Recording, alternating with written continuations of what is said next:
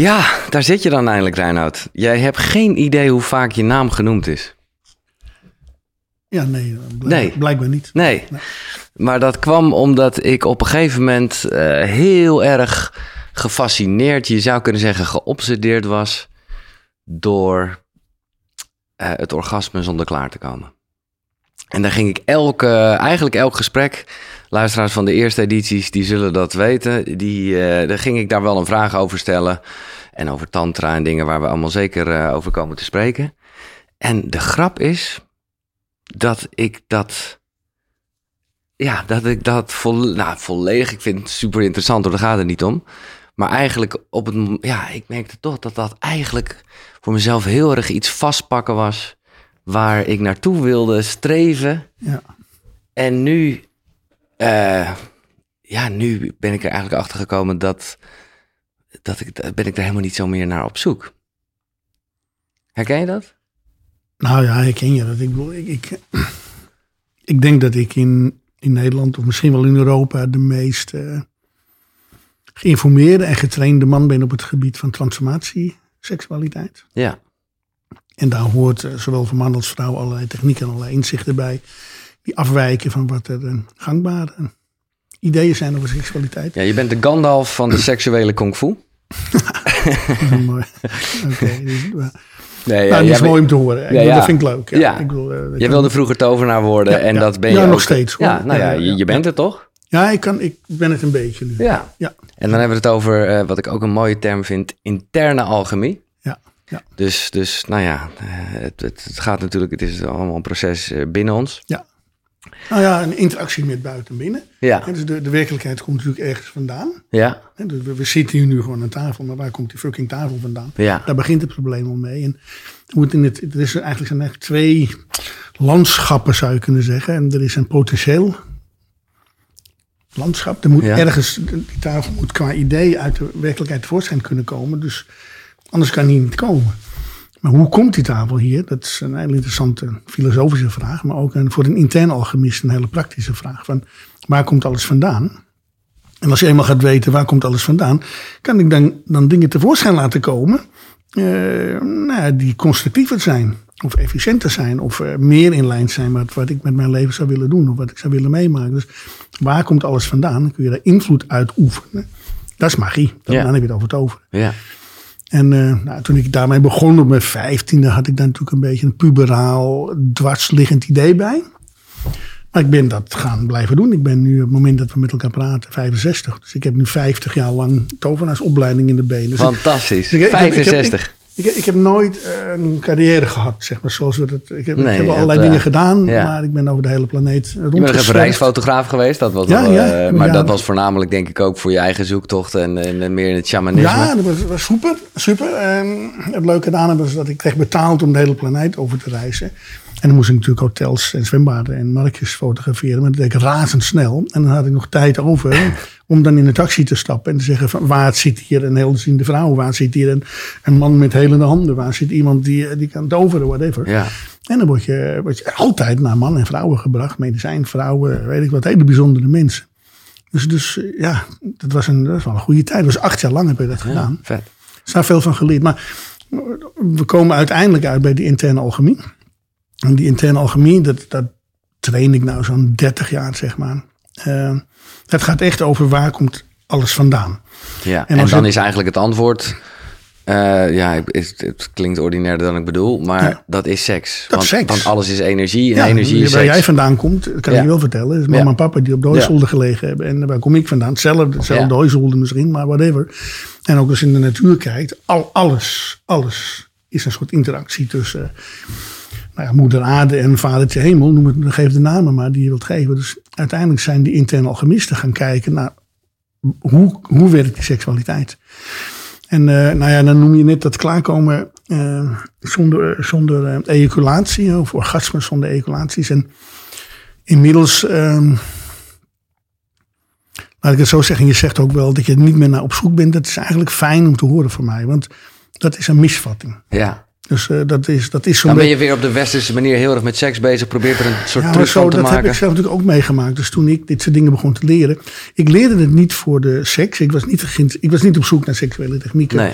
Om daarmee de vrouwtjes te verwennen of zo. Nee. Ik ben hetero, dus dat, die gedachte. Maar uh, omdat ik als tovenaarsleerling gewoon uitgelachen werd. Omdat ik te weinig energie had. Ja. En ik was best wel een energetisch jongetje op school. Snap je? Ik hoorde voetballen. En ja, ja, jij wilde gewoon weten hoe, hoe krijg je die energie. En, en toen kwam Ja. er eigenlijk achter dat En het dat- antwoord hierin zat. En toen kreeg ik dus, eh, toen werd uiteindelijk duidelijk dat het over seksuele technieken gaat. Eh, de tolteken noemen dat dan de geheimen van de gevederde slang en Ja. seksuele kung fu. En, en in, in de beuntradities in Tibet en de, en de tantra, eh, de- met name de magische tantra. En nou, dus ook de interne alchemie, de Nijdangoen. Die weten dat. Die, er zijn gewoon mannen en vrouwen nu, op dit moment in leven, die dus weten hoe dat werkt. Maar die, leer, die, die, die, die, gaven die informatie niet zozeer aan jou. Ha, nou, op een gegeven moment wel hoor. Het duurde een tijdje voordat ik bij de juiste mensen terecht kwam. Dus, dus de, de, ik heb ook in Mexico getraind. En die, die eh, waren not... Ja, er komt gewoon zo'n barbaar aan. In hun ogen zijn westerse Ja. mensen barbaren. Nou, kijk hoe wij de planeet behandelen. Snap ik zou ook wel. zeggen van dat daar iedereen, dat, dat niemand iets anders over kan zeggen. Van, Nee. Dat klopt. En eh, dus zij zaten van, ja, weet je, om naar die halve gade dit soort kennis mee te geven, daar beginnen we niet aan. En, eh, en ze vonden ook dat mijn, eh, mijn mensbeeld en mijn wereldbeeld achterlijk was. Dus, ehm, dus ze zeiden, we gaan eerst je mensbeeld en je wereldbeeld aanpassen. Maar kun je dat uitleggen? Wat, wat, wat moest er dan worden aangepast aan jouw wereldbeeld en jouw mensbeeld? Nou ja, wij houden, houden helemaal geen rekening met het innerlijk landschap. Dus wij, wij leven en bewegen eigenlijk eh, van huis naar Albert Heijn lopen en terug. Dus daar zijn we behendig in. Dat is basically wat we doen, zeg maar. Meer, veel meer dan dat kunnen we eigenlijk niet. En, eh, en zij zeggen, nou ja, dat is niet voldoende. Want als je als tovenaar wilt leren bewegen tussen potentie en ma- manifesta- manifestatie in. Dan moet je veel losser in je perceptie worden. Dus je moet veel meer weggaan uit dat concrete. Je moet veel meer gaan ontdekken waar komt tijd ruimte nou eigenlijk vandaan. Maar uiteindelijk moet je daarin toch nog steeds naar de Albert Heijn lopen. Ja, dat is het uiterlijke landschap. Dat kan ik ook Ja, goed. ja, ja, Snap je? De- de- Ja, dat is het uiterlijk. Maar, maar in het innerlijk landschap, ehm, kijk, laten we heel simpel, wanneer ben jij in het innerlijk landschap? Als je droomt. Als je s'nachts slaapt, zeg maar, dan laat je iets van je controle los. En iets anders gaat dromen. Dat dromen is eigenlijk niks anders dan in het innerlijk landschap wat zwerven, zeg maar. En sommige mensen kunnen dat als kind heel goed. Kunnen er diep in, weet je wel. Die kunnen vliegen of onder water zwemmen, leven. En andere mensen dromen wat minder, maar we dromen allemaal. Ja, dat, is al een, dat is eigenlijk al een beetje in de magische wereld zijn. Alleen dat, dat nemen we niet serieus. Zeg maar dro- dromen zijn bedrog, wordt bij ons al Ja. gezegd. En heb je in die tijd, eh, als je zegt Mexico en zo, moet ik ook wel gelijk denken aan ayahuasca-achtige ceremonies en toestanden? Ja, dat, daar werd ik ook mee geconfronteerd. Ik, ik ben vreemd genoeg. Ik, ik kom echt wel een beetje uit de na-hippie-tijd. Ja, En eh, eh, om mij heen, de middelbare school, mijn, mijn broer en zussen en de meeste mensen om me heen, die waren allemaal gewoon de hele dag gestoomd. Oké. De hele meute was gewoon aan het poppen en slikken en, en weet ik wat. Toen al, hè, hebben we het echt over 50 jaar geleden. Ik denk dat mijn broer eh, van zijn 12 tot zijn 62ste gewoon elke dag Ja. geweest is. Gewoon, eh, weet je wel. eh, en ik, had, ik heb altijd iets gehad van, hmm, hmm, dat gaat niet de goede kant op. Dus ik heb een nee op het gebruik van psychotrope middelen. Ik heb wel een paar dingen geprobeerd, mondjesmaat, maar nooit meer dan drie keer of zoiets. Nee. Alleen maar even erin te gaan, te snappen wat de bedoeling is en weer eruit. Maar in Mexico was het echt wel de bedoeling dat ik flink, eh, flink in ayahuasca ging. En daar kijken ze ook niet op een lijk. Hè? Dus, dus het is een beetje een woeste manier van trainen. En ik vond het onveilig worden eigenlijk. Eh. Dus ik ben ook wel, een, dat weet ik nu inmiddels, ik ben ook echt een, ja, eigenlijk nummer één op mijn agenda is veiligheid. ja. Ik vind dat eigenlijk een voorwaarde bijna om, eh, om een verstandige tovenaar te worden. En dat wil ik ook heel erg doseren. Ik Maar wat voor, ik ben toch even nieuwsgierig, want meestal, eh, jij zegt maar drie keer. Nou, ik vind, het, ik bedoel, dat, eh, als je drie keer ayahuasca hebt gedaan, wat, wat, voor, wat voor inzichten gaf het jou in die tijd? Van een, van een nog veel jongere Reinoud Eleveld, die toen de Tao, waar we zeker straks op komen, eh, niet of nauwelijks nog ontdekt had? Nou ja, kijk, die, als je dat soort psychotrope ervaringen, die, die helpen je om een idee te krijgen over wat bedoelen ze nu met het innerlijk landschap. Ja. Dus, en de, de, de wereld van de spirits en de wereld van de demonen en de wereld van de. mm, Maar daar ja, kreeg je inzicht over. Dat, dat- Ja, je, je, gaat, ja je, gaat, je, gaat, je ervaart gewoon boem. Je krijgt een soort geestverruimende, of bewustzijnsverruimende ervaringen. Ja, die je eigenlijk, als je dan weer bij zinnen komt, zeg maar, dan denk je ja. Het is absurd hoe wij er tegenaan kijken. Ja. Dus dat is de bedoeling eigenlijk. Dus je, je, dat is eigenlijk de bedoeling van dat soort dingen. Omdat je er anders over na gaat denken. Want anders kan je natuurlijk, als tovenaar moet je in het innerlijk landschap leren manoeuvreren. Als je dan niet weet dat het bestaat, of, Nee. of denkt dat het onzin is, of zweverig eh, Ja, ja, ja. ge- geneuzel, ja, dan, dan wordt die opleiding natuurlijk niet goed. Maar dat was me te woest allemaal. Dus ik ben, ik ben daar niet blijven hangen, ik ben door gaan zoeken. Ja.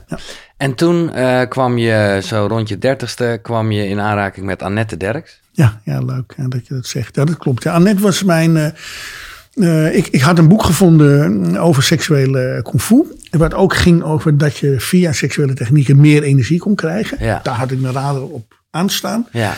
En achterin het boek stond eh, de naam van Annette. En, eh, met, en toen nog een telefoonnummer. Er was nog geen internet even voor de, voor de luisteraars. En, dus ze moest dan bellen. En ik wel een beetje zo bellen. En dan, eh, hallo met Reinoud. Ja, met Annette, weet je. En ik, ja, ja, ik ben eigenlijk nog geïnteresseerd. Ik, Zo'n beetje ongemakkelijk.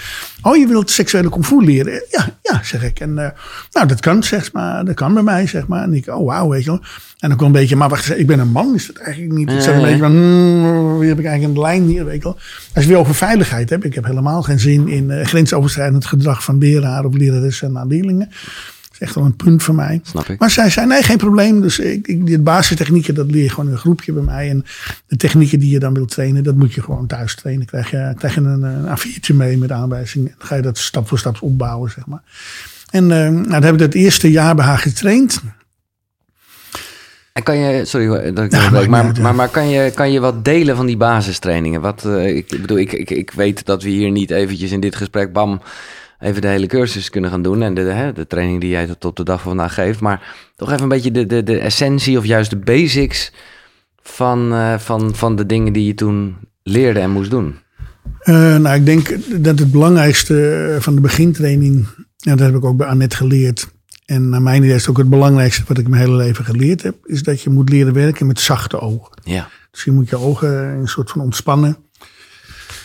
En dat, dat gaat zich een beetje verspreiden, zeg maar, door je hele aangezichtsspieren. Dus je hele gezicht wordt zacht en ontspannen. Maar kan je dat, want ik, ik, ik ken de term, eh, en voor mijn gevoel is het meer van dat heb je of dat heb je niet. Maar jij zegt, Nee, je, je nee, kan nee. ook zachte ogen ja, trainen. Nee, eh, luister, daar, daar loop ik helemaal op binnen om dit te doseren. Nee. Mensen- nee, jongen, de, de, de, helft, de westerse mens loopt met harde ogen rond. Oké. En eh, allemaal vanuit een soort ehm, strijdbereidheid. Ja. En, eh, Gevaar, angst. ja, gevaar, eh, angstig, ja, ja. stress, weet je wel. Iedereen zit in een soort overlevingsmodus. En, eh, Oké, een kleine sneak preview dan. Eh, hoe, eh, hoe train je zachte ogen? Nou, eh, kijk, om te beginnen, eh, jij zit natuurlijk in je eigen ruimte. Je bent Ja. wel gewend om hier te zijn. Maar kijk eerst even rond. Dan kijk je op zo'n manier rond dat je naar, nergens naar kijkt, maar alles ziet. Dus je kijkt gewoon even rond. Het is een hele dierlijke manier van kijken. Want je kijkt eigenlijk natuurlijk of er gevaarlijke dingen zijn. Je weet wel met je hoofd dat ze er niet zijn. Maar als je zo'n tijdje rondkijkt, dan denk je, ja, nou, er is volgens mij echt niks gevaarlijks hier. En dat is belangrijk als diertje, want anders doe je je ogen niet dicht. Ja?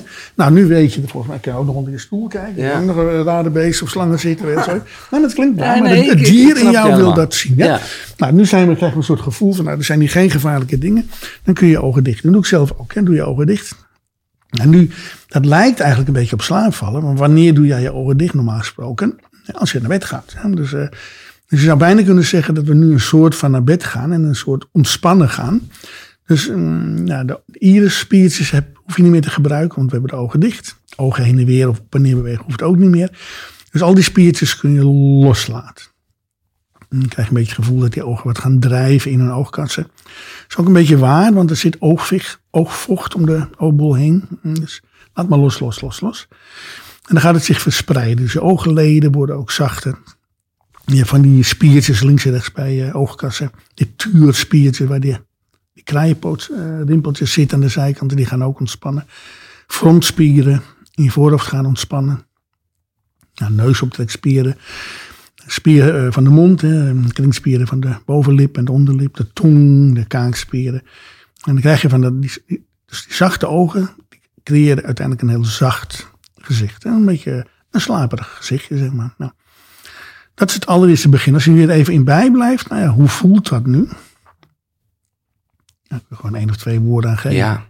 Ja, het woord zacht komt wel gelijk in mij op. En een, en, en een ontspannenheid Ja. en een, een rustigheid. Ja. Ja, nou, nou, kom maar weer terug. Oog op. En, dan, en dat is het dus. Dus, eh, dus als je hebt een klein inkijkje. als je in dat innerlijk landschap wil, als je naar binnen wilt, als je in die droomkrachtwereld wil, dan moet je dat slapend doen. Ja. Maar je moet wel wakker blijven, want anders kun je het niet sturen. Dus, dus je krijgt een vreemd soort spanning van overgeven aan die slaapvallen. Wat je alleen doet als je absoluut veilig bent. Want als je niet veilig bent, dan zit je van uh, opletten. Dus je moet een, een basisgevoel krijgen van, ah, ik voel me hier zo veilig, ik zou hier kunnen slapen. Je hele lijf gaat de spierspanning dan een beetje eruit. Ja. Dan voel je je eerlijk gezegd zalig. Dus dat, dat op zich is al een basisbliss. Een heleboel mensen moeten op vakantie om dat één of twee eh, keer per ja, jaar ja, te ervaren. En als je goed getraind bent, heb je dat gewoon, nou ja, weet je wel, 24-7 heb je een gevoel van niks aan de. Gewoon uh, relaxed. Kijk, stress, stress is, stress is een killer, dat weten we. Maar je mikt als intern alchemist op maximaal 5, 6 minuten stress per jaar. Voor de duidelijkheid. Dat bewaarde ik altijd voor tweede kerstdag natuurlijk, als de schoonfamilie komt. Maar, maar er is eigenlijk, eh, dus ons mensbeeld is onveilig. Ja. En, eh, en als je dat op die manier bekijkt, dan wordt het ook onveilig. Hè. Op straat kan er van alles gebeuren. Oorlog nou weer. En, Ja. vrienden. Ja, ja, maar- eh, En dat, dat, dat, eh, dat je ogen dus hard maken, dat is het aanbidden van de oorlogsgod. En ook al ga jij misschien niet meer naar de kerk, Nee, niemand gaat naar de kerk. Maar ik zweer je, ieder westelijk mens loopt met een enorm altaar rond waar de oorlogsgod op ge- aanbeden wordt. En dat betekent eigenlijk dat we ons gedrag eh, eiken op de goedkeuring van geweld. Ja, ik, ik, ik heb wel eens eh, gehoord dat je eigenlijk, eh, hoe noem je dat, creatieve krachten hebt. En, en, en ja, wat Ja, ik jou hoor zeggen, de, creatief en destructief. destructieve. Exact. Ja. Ja, Nou, precies. het is een spanningsveld tussen vrede en oorlog. Ja. Eh, Dat, is natuurlijk eeuwen oud. We bestaan als mensheid nu een miljoen jaar. Maar ik vind die zes minuten, ik vind het bijna, ik word er bijna een beetje kriegelig van. Want ik bedoel, er is toch ook een soort, nou ja, laat ik dan even eh, bijvoorbeeld met het koud douchen komen. Ja, Dat ja, is- ja, onder andere. Ja, maar dat is natuurlijk gewoon wel even de stress opzoeken bijna. Kijk, eh, Wim is een vaak. We hebben het nu over Wim Hof in Ja. zekere zin. En, en Wim is, Wim is, eh, Wim is dat, dat noemen we in de interne alchemie een vaak hier. En een vaakje is eigenlijk iemand die, die op, eh, op een spijkerbed gaat liggen. Of in ijsblokken gaat liggen. Of Ja. zichzelf in superhitte brengt. En eigenlijk dan allerlei systemen activeert. Die eigenlijk overlevingstechnieken zijn. En eh, waardoor een hele bijzondere immuunsysteemreacties gaan komen. Ah, dat is... eh, Maar het is wel zo. dat, is niet, dat is niet gek bedacht hoor. Dat is niet gek bedacht, ik wil net zeggen. Want nu, nu lijkt het een beetje alsof je zegt dat hij daarin... u- hij is zeker uniek, laat het, zoals ieder mens Nee, uniek is. is ook super. Maar het is wel, en, en, en dat, dat vond ik zo mooi eigenlijk van al die wetenschappelijke, onder, wetenschappelijke onderzoeken die er toen kwamen, dat hij dat ook daadwerkelijk andere mensen kon leren. Waardoor het Ja, dus niet zo ja. was van, oké, dit is gewoon een hele bijzondere persoon. Nee, dat is iets Het zijn, het zijn overdraagbare technieken. Ja. Maar die staan ook eeuwen oud. Ja. Dus, dus, eh, Nee, de- dat de, training die hij doet, dat, dat zijn vaak hier Ja, technieken. maar ik merk voor, hè, in mijn dagelijkse eh, routine dat ik het juist even lekker vind. Omdat het me later weer, nou ja, ik zal niet gelijk zeggen dat, dat ik de hele dag verder met zachte ogen rondloop. Maar wel. Nee, maar dat je lekker in je lijf. En, Ja. en je hebt het gevoel van heerlijk Ja. fris. En wauw, het geeft ook een soort stoer gevoel. Ja. Eh, dus je hebt iets van, nou zie zo, weet je wel, dan- ik ben lekker ik ben goed bezig. En zo, weet je. Dus het, geeft, true. het geeft een hele, het Ja. geeft een fijn gevoel. In het begin denk je, ga ik niet aan beginnen. Als eenmaal doet, ik denk het elke dag nog, maar ja, inderdaad. dan- maar uiteindelijk heb je het gedaan en dan denk je, oké. Ja, precies. Ja. maar, dat is wel die, die daarom Maar kijk, maar het, gaat, het gaat een beetje om het woordje bliss. Dus, dus als je dat doet, als je, dus, als je onder een koude douche gaat, gaat staan... of je gaat in, in koud water eh, zwemmen of aan gewoon verdragen. Ja. Er zijn nog helemaal dingen, dan krijg je een vorm van bliss. Bliss betekent eigenlijk lekker voelen. ja, ja, En andere mensen die zeggen, nou ga lekker naar Zandvoort straks weer... op, achter, op zo'n terrasje achter glas zitten. En dan, ja. oh ja, dit is bliss. Dat is Ja. een andere vorm Maar de bliss kan ook zijn, dat probeer je te zeggen, denk ik. De bliss kan ook zijn dat je dus wel even die stress opzoekt. Of wel even die. Ja, en, dat kun je dan weer hormonaal vertalen. Hè. Daar, is, Mhm. daar is Wim natuurlijk ook mee bezig. Die probeert aan te tonen wat voor hormonale veranderingen dan in het lichaam plaatsvinden. En dan kom je eigenlijk basically, basically uit bij beloningshormonen. Dus, dus wij doen iets en dan willen we eigenlijk beloond worden. Ja. Dat is heel verstandig als dier, want als je iets doms doet, dan moet je niet beloond worden als dier, want anders ga je eraan. Dus we hebben in ons hersen prachtige echt prachtig gemaakt allemaal. En hebben we het over dopamine-achtige dingen. Ja, ja, dopamine, dat is de meest idioot en gevaarlijke die er bestaat. Dat is een zware, verslavende, dat, dat, dat is een junkhormoon. Ja. Dus ja. dopamine, dat is een geweldig gevoel van bliss. Dat is een beetje, yes, een beetje bungee jumpen en dat soort dingen. Maar het nadeel van dopamine is dat het verslavend is. Dus om dezelfde bliss te ervaren, Ja. heb je per keer twee keer zoveel nodig. En als je dan denkt, oh, ik wil die bliss weer ervaren, heb je vier keer zoveel nodig. Dus eh, over dopamine levels, bijvoorbeeld een echte junk, die heeft honderd keer meer dopamine in zijn lijf zitten dan jij en ik. Honderd keer meer. Om diezelfde bliss te ervaren die je Mhm. ooit de eerste keer ervaren hebt. Dat is een doodlopende stap. Maar, Maar je hebt meer beloning. Je hebt, meer, ja, je hebt ook endorfines bijvoorbeeld. ja, hè, Die mensen met sportverslaving eh, de hele tijd opzoeken. Weet je wel. En dan heb je nog de, dat zogenaamde knuffelhormoon, oxytocine. oxytocine, ja. Het is gewoon lekker verliefd zijn, lekker op de bank zitten met elkaar en met kinderen rondlopen. Dat is ook allemaal prima. Hè, de endorfinen, dus die opiaten, is natuurlijk ook verslavend. En eh, de sportverslaving, dat is ook toestand. Je gaat volledig uit de hechting, zeg maar. Dus thuis is er van alles in de hand. Jij gaat even 10 kilometer hardlopen. Ja. En dat is dan zogenaamd goed bezig zijn. Zeg je, je vrouw zit met een, met een advocaat Ja. te bellen. Nou, dan gaat die nergens heen. En, eh, en, eh, en die, die, dat knuffelhormoon, die oxytocine, is leuk. Is, is verder niet verslavend of schadelijk. Maar je hebt er altijd een ander voor nodig. ja. Snap je? En, of een, Of een huisdier. Ja, een Ja, huisdier. precies. Maar vergis je niet hoor, een huisdier. Als je iemand die zijn hele leven huisdier heeft, die leeft, leeft gemiddeld zeven jaar langer dan iemand die geen huisdier heeft zijn hele leven. Dus huisdieren zijn duur, maar ze leven hier zeven jaar leven op. Nou, als ik tegen jou zeg, hoeveel heb je over voor zeven jaar leven? Dan gaan we, dan ga je, Nee, snap je? eh, Ja, dus maar de, de, de enige die echt veilig is, is serotonine. Ja, Dus. Die moet je hebben. Je moet leren serotonine eh, te bouwen. En serotonine ontstaat alleen op het moment dat je veilig bent. En eh, dus stress, stress is altijd het uitzetten van serotonine. Dus stress ga je. Dat, en dat, als je het nou hebt over. Kun je hem een beetje meenemen in de basistraining? Nou, stress gooi je eruit. Ja. Stress gooi je er gewoon uit. Oké. eh, Is een illusie duidelijk, hè?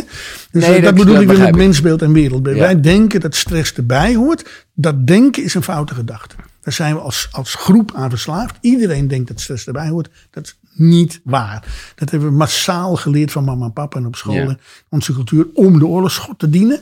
Dus als we maar ons best doen en wilskracht en bla bla bla. Allemaal onzin. Nou, dat, heb, dat heb ik moeten leren. Dus, eh, ik heb een heleboel andere inzichten verzameld door de jaren heen. Die strijdig zijn met wij denken en wat Ja. wij, eh, eh, hoe wij erover denken. En dat maakt mij in zekere zin waardevol. Ik ben, ik ben niet meer waard dan jij of iemand anders. Maar de inzichten die ik ja. verzameld heb in de afgelopen 50 jaar, die zijn waardevol. En, en die zijn ook van belang om de mensheid bij te gaan sturen. Het is overduidelijk dat, we- dat, we, dat we nu aan het doen zijn. We zijn gewoon de boel aan het slopen. Ja. En, en je kunt gewoon niet geloven hoe taai dat is. En dat is een één op één eh, ehm, Vertaling. vertaling naar het niet trainen van seksualiteit. Ja, precies. Want daar wilde ik ook weer gelijk even naartoe. Nee, maar ja, zeker met al de stofjes die je noemt. Eh, want ja, ik kan toch niet, eh, of ja, dat, misschien is dit een aanname, maar ik kan toch niet seks hebben en alleen de serotonine krijgen en niet de oxytocine, nou de dopamine krijg je daar natuurlijk ook zeker van. Ik bedoel, dat, dat is toch gewoon een chemisch proces wat je niet onder controle kan hebben. Natuurlijk, je, je, je, kunt, je kunt toch gewoon gaan uitzoeken wat voor gedrag levert welke hormonen op. Ja, Als ik jou aan zo'n zo'n elastiek hang hier uit het raam. Ja, nee, dat snap ik. Bungee jumpen. Ja, dan kan ik je voorspellen. Dan zit ja. Adrenaline en dopamine. ja. Als het overleeft. Ja. En Dat, dat, dus dopamine ontstaat altijd van jeetje, je hebt nog overleefd. Nee, maar ik bedoel ook. te zeggen, met seks bestaat toch dat, dat- dat is toch ook het bijzondere en het mooie en het gave ervan. Da- Daar komt toch dat allemaal vrij? Is dat zo?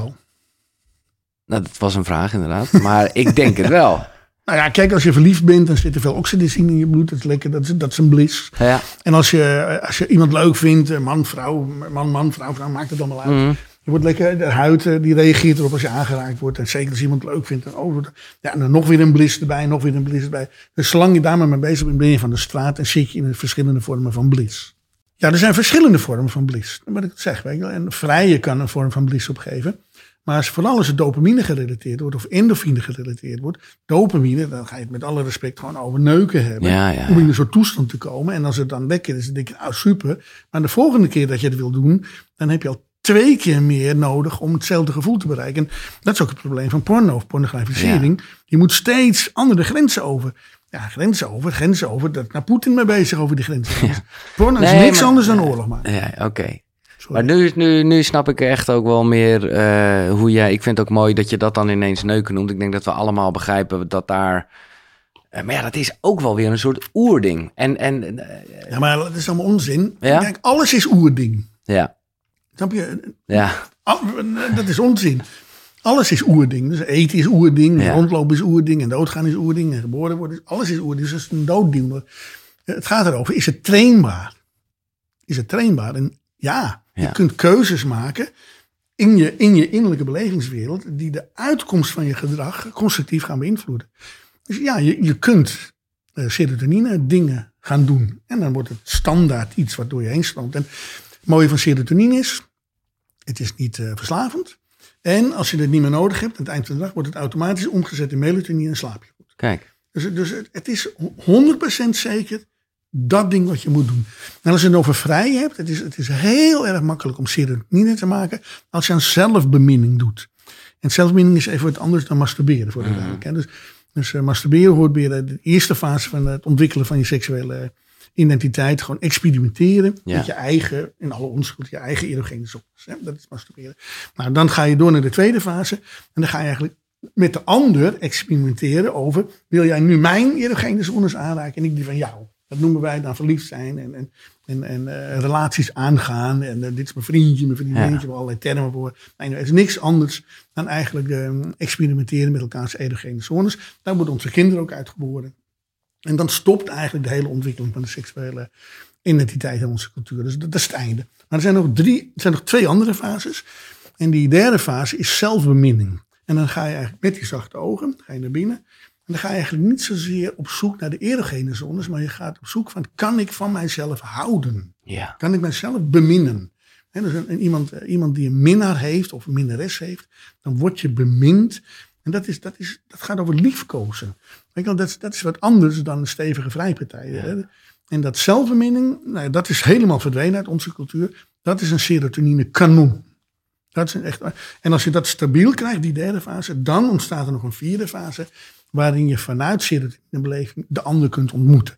En dan krijg, je, dan krijg je pas het vermogen om met een ander samen te zijn. En eventueel te vrijen of wat, ja, allerlei dingen te doen. En dan krijg je totaal andere vormen van bliss. Dan die jij kent, of die de gemiddelde westerse man of vrouw kent. Als je alleen maar in die tweede fase blijft hangen.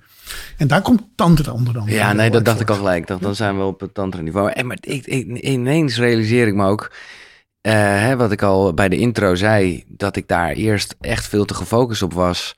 Of achteraf, het maakt ook verder niet uit. Ik was vooral op zoek naar een verbinding met mezelf, veel meer.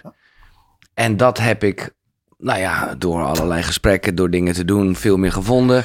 Daardoor uh, durf ik wel te zeggen dat ik op die manier, vanuit die staat, ook iemand heb gevonden. En is er inderdaad veel, ja, ja en, en dus ho hoefde ik het allemaal niet zo meer met dat hele, uh, ja, wat voor mij geforceerd was. Omdat ik gewoon dacht van, dit gaat gewoon goed zoals het gaat. Uh, en ben ik dus, maar dat, ja, ben ik dus ook, sta ik heel anders in seks eigenlijk. Nou ja, fijn om te horen, zeg maar. Dat, kijk, dat, dat zoeken van mannen naar, wauw. Kijk, als een man ejaculeert, een ongetrainde man, een man die, die een orgasme heeft en ejaculeert, die energie die daarbij hoort in het innerlijk landschap, ja. die gaat natuurlijk op zoek naar de baarmoeder. Ja. Die gaat eruit. Een, een, een, vrouw kan, uh, kan uh, vrijen en een orgasme hebben, maar de, de seksuele energie die blijft in de baarmoeder zitten. Zeg maar. Dus een vrouw kan dan ook redelijk makkelijk, nog weer tien ja. minuten later kunnen zeggen, nou, nog een keer op die knoppen drukken, nog een orgasme. En als je helemaal de dolle bent, kun je tien minuten later nog een keer doen. Maar een man die zit een beetje, uh, als je jong bent gaat het nog wel even, maar als je, op een gegeven moment is die energie er gewoon niet om nog weer een keer een erectie en, en een opwinding, uh, genoeg opwinding te krijgen om, om, uh, om een orgasme te krijgen. Ja. Dus bij mannen zie je langzaam zeggen, hmm, ja, ik wil eigenlijk ook wel wat die vrouwen hebben. Ja. En die gaan een, maar dat is eigenlijk een, eigenlijk een beetje seksuele hyperseksualiteit. Dus dan zit je eigenlijk een beetje in seksuele verslaving. Dan ga je vanuit seksuele verslaving op zoek naar ik wil langer vrije directie, pillen erbij. Maar dat is eigenlijk allemaal infantiel gedrag. Ja. Uh, gedrag, eerlijk gezegd. Ja. ja. En op een of andere manier ben je blijkbaar een beetje gered door de gong. Dat je daar weer wat uitgedreven bent. En uh, nou ja, maar je hart geopend hebt voor iemand die het op ja. een andere manier beleeft. Dus daardoor is het ook weer minder belangrijk geworden. Maar is dit de reden waar het... Want ik, ik heb hier jouw boek zoals altijd liggen. En ik wilde ook heel graag het boek Alleen voor Mannen.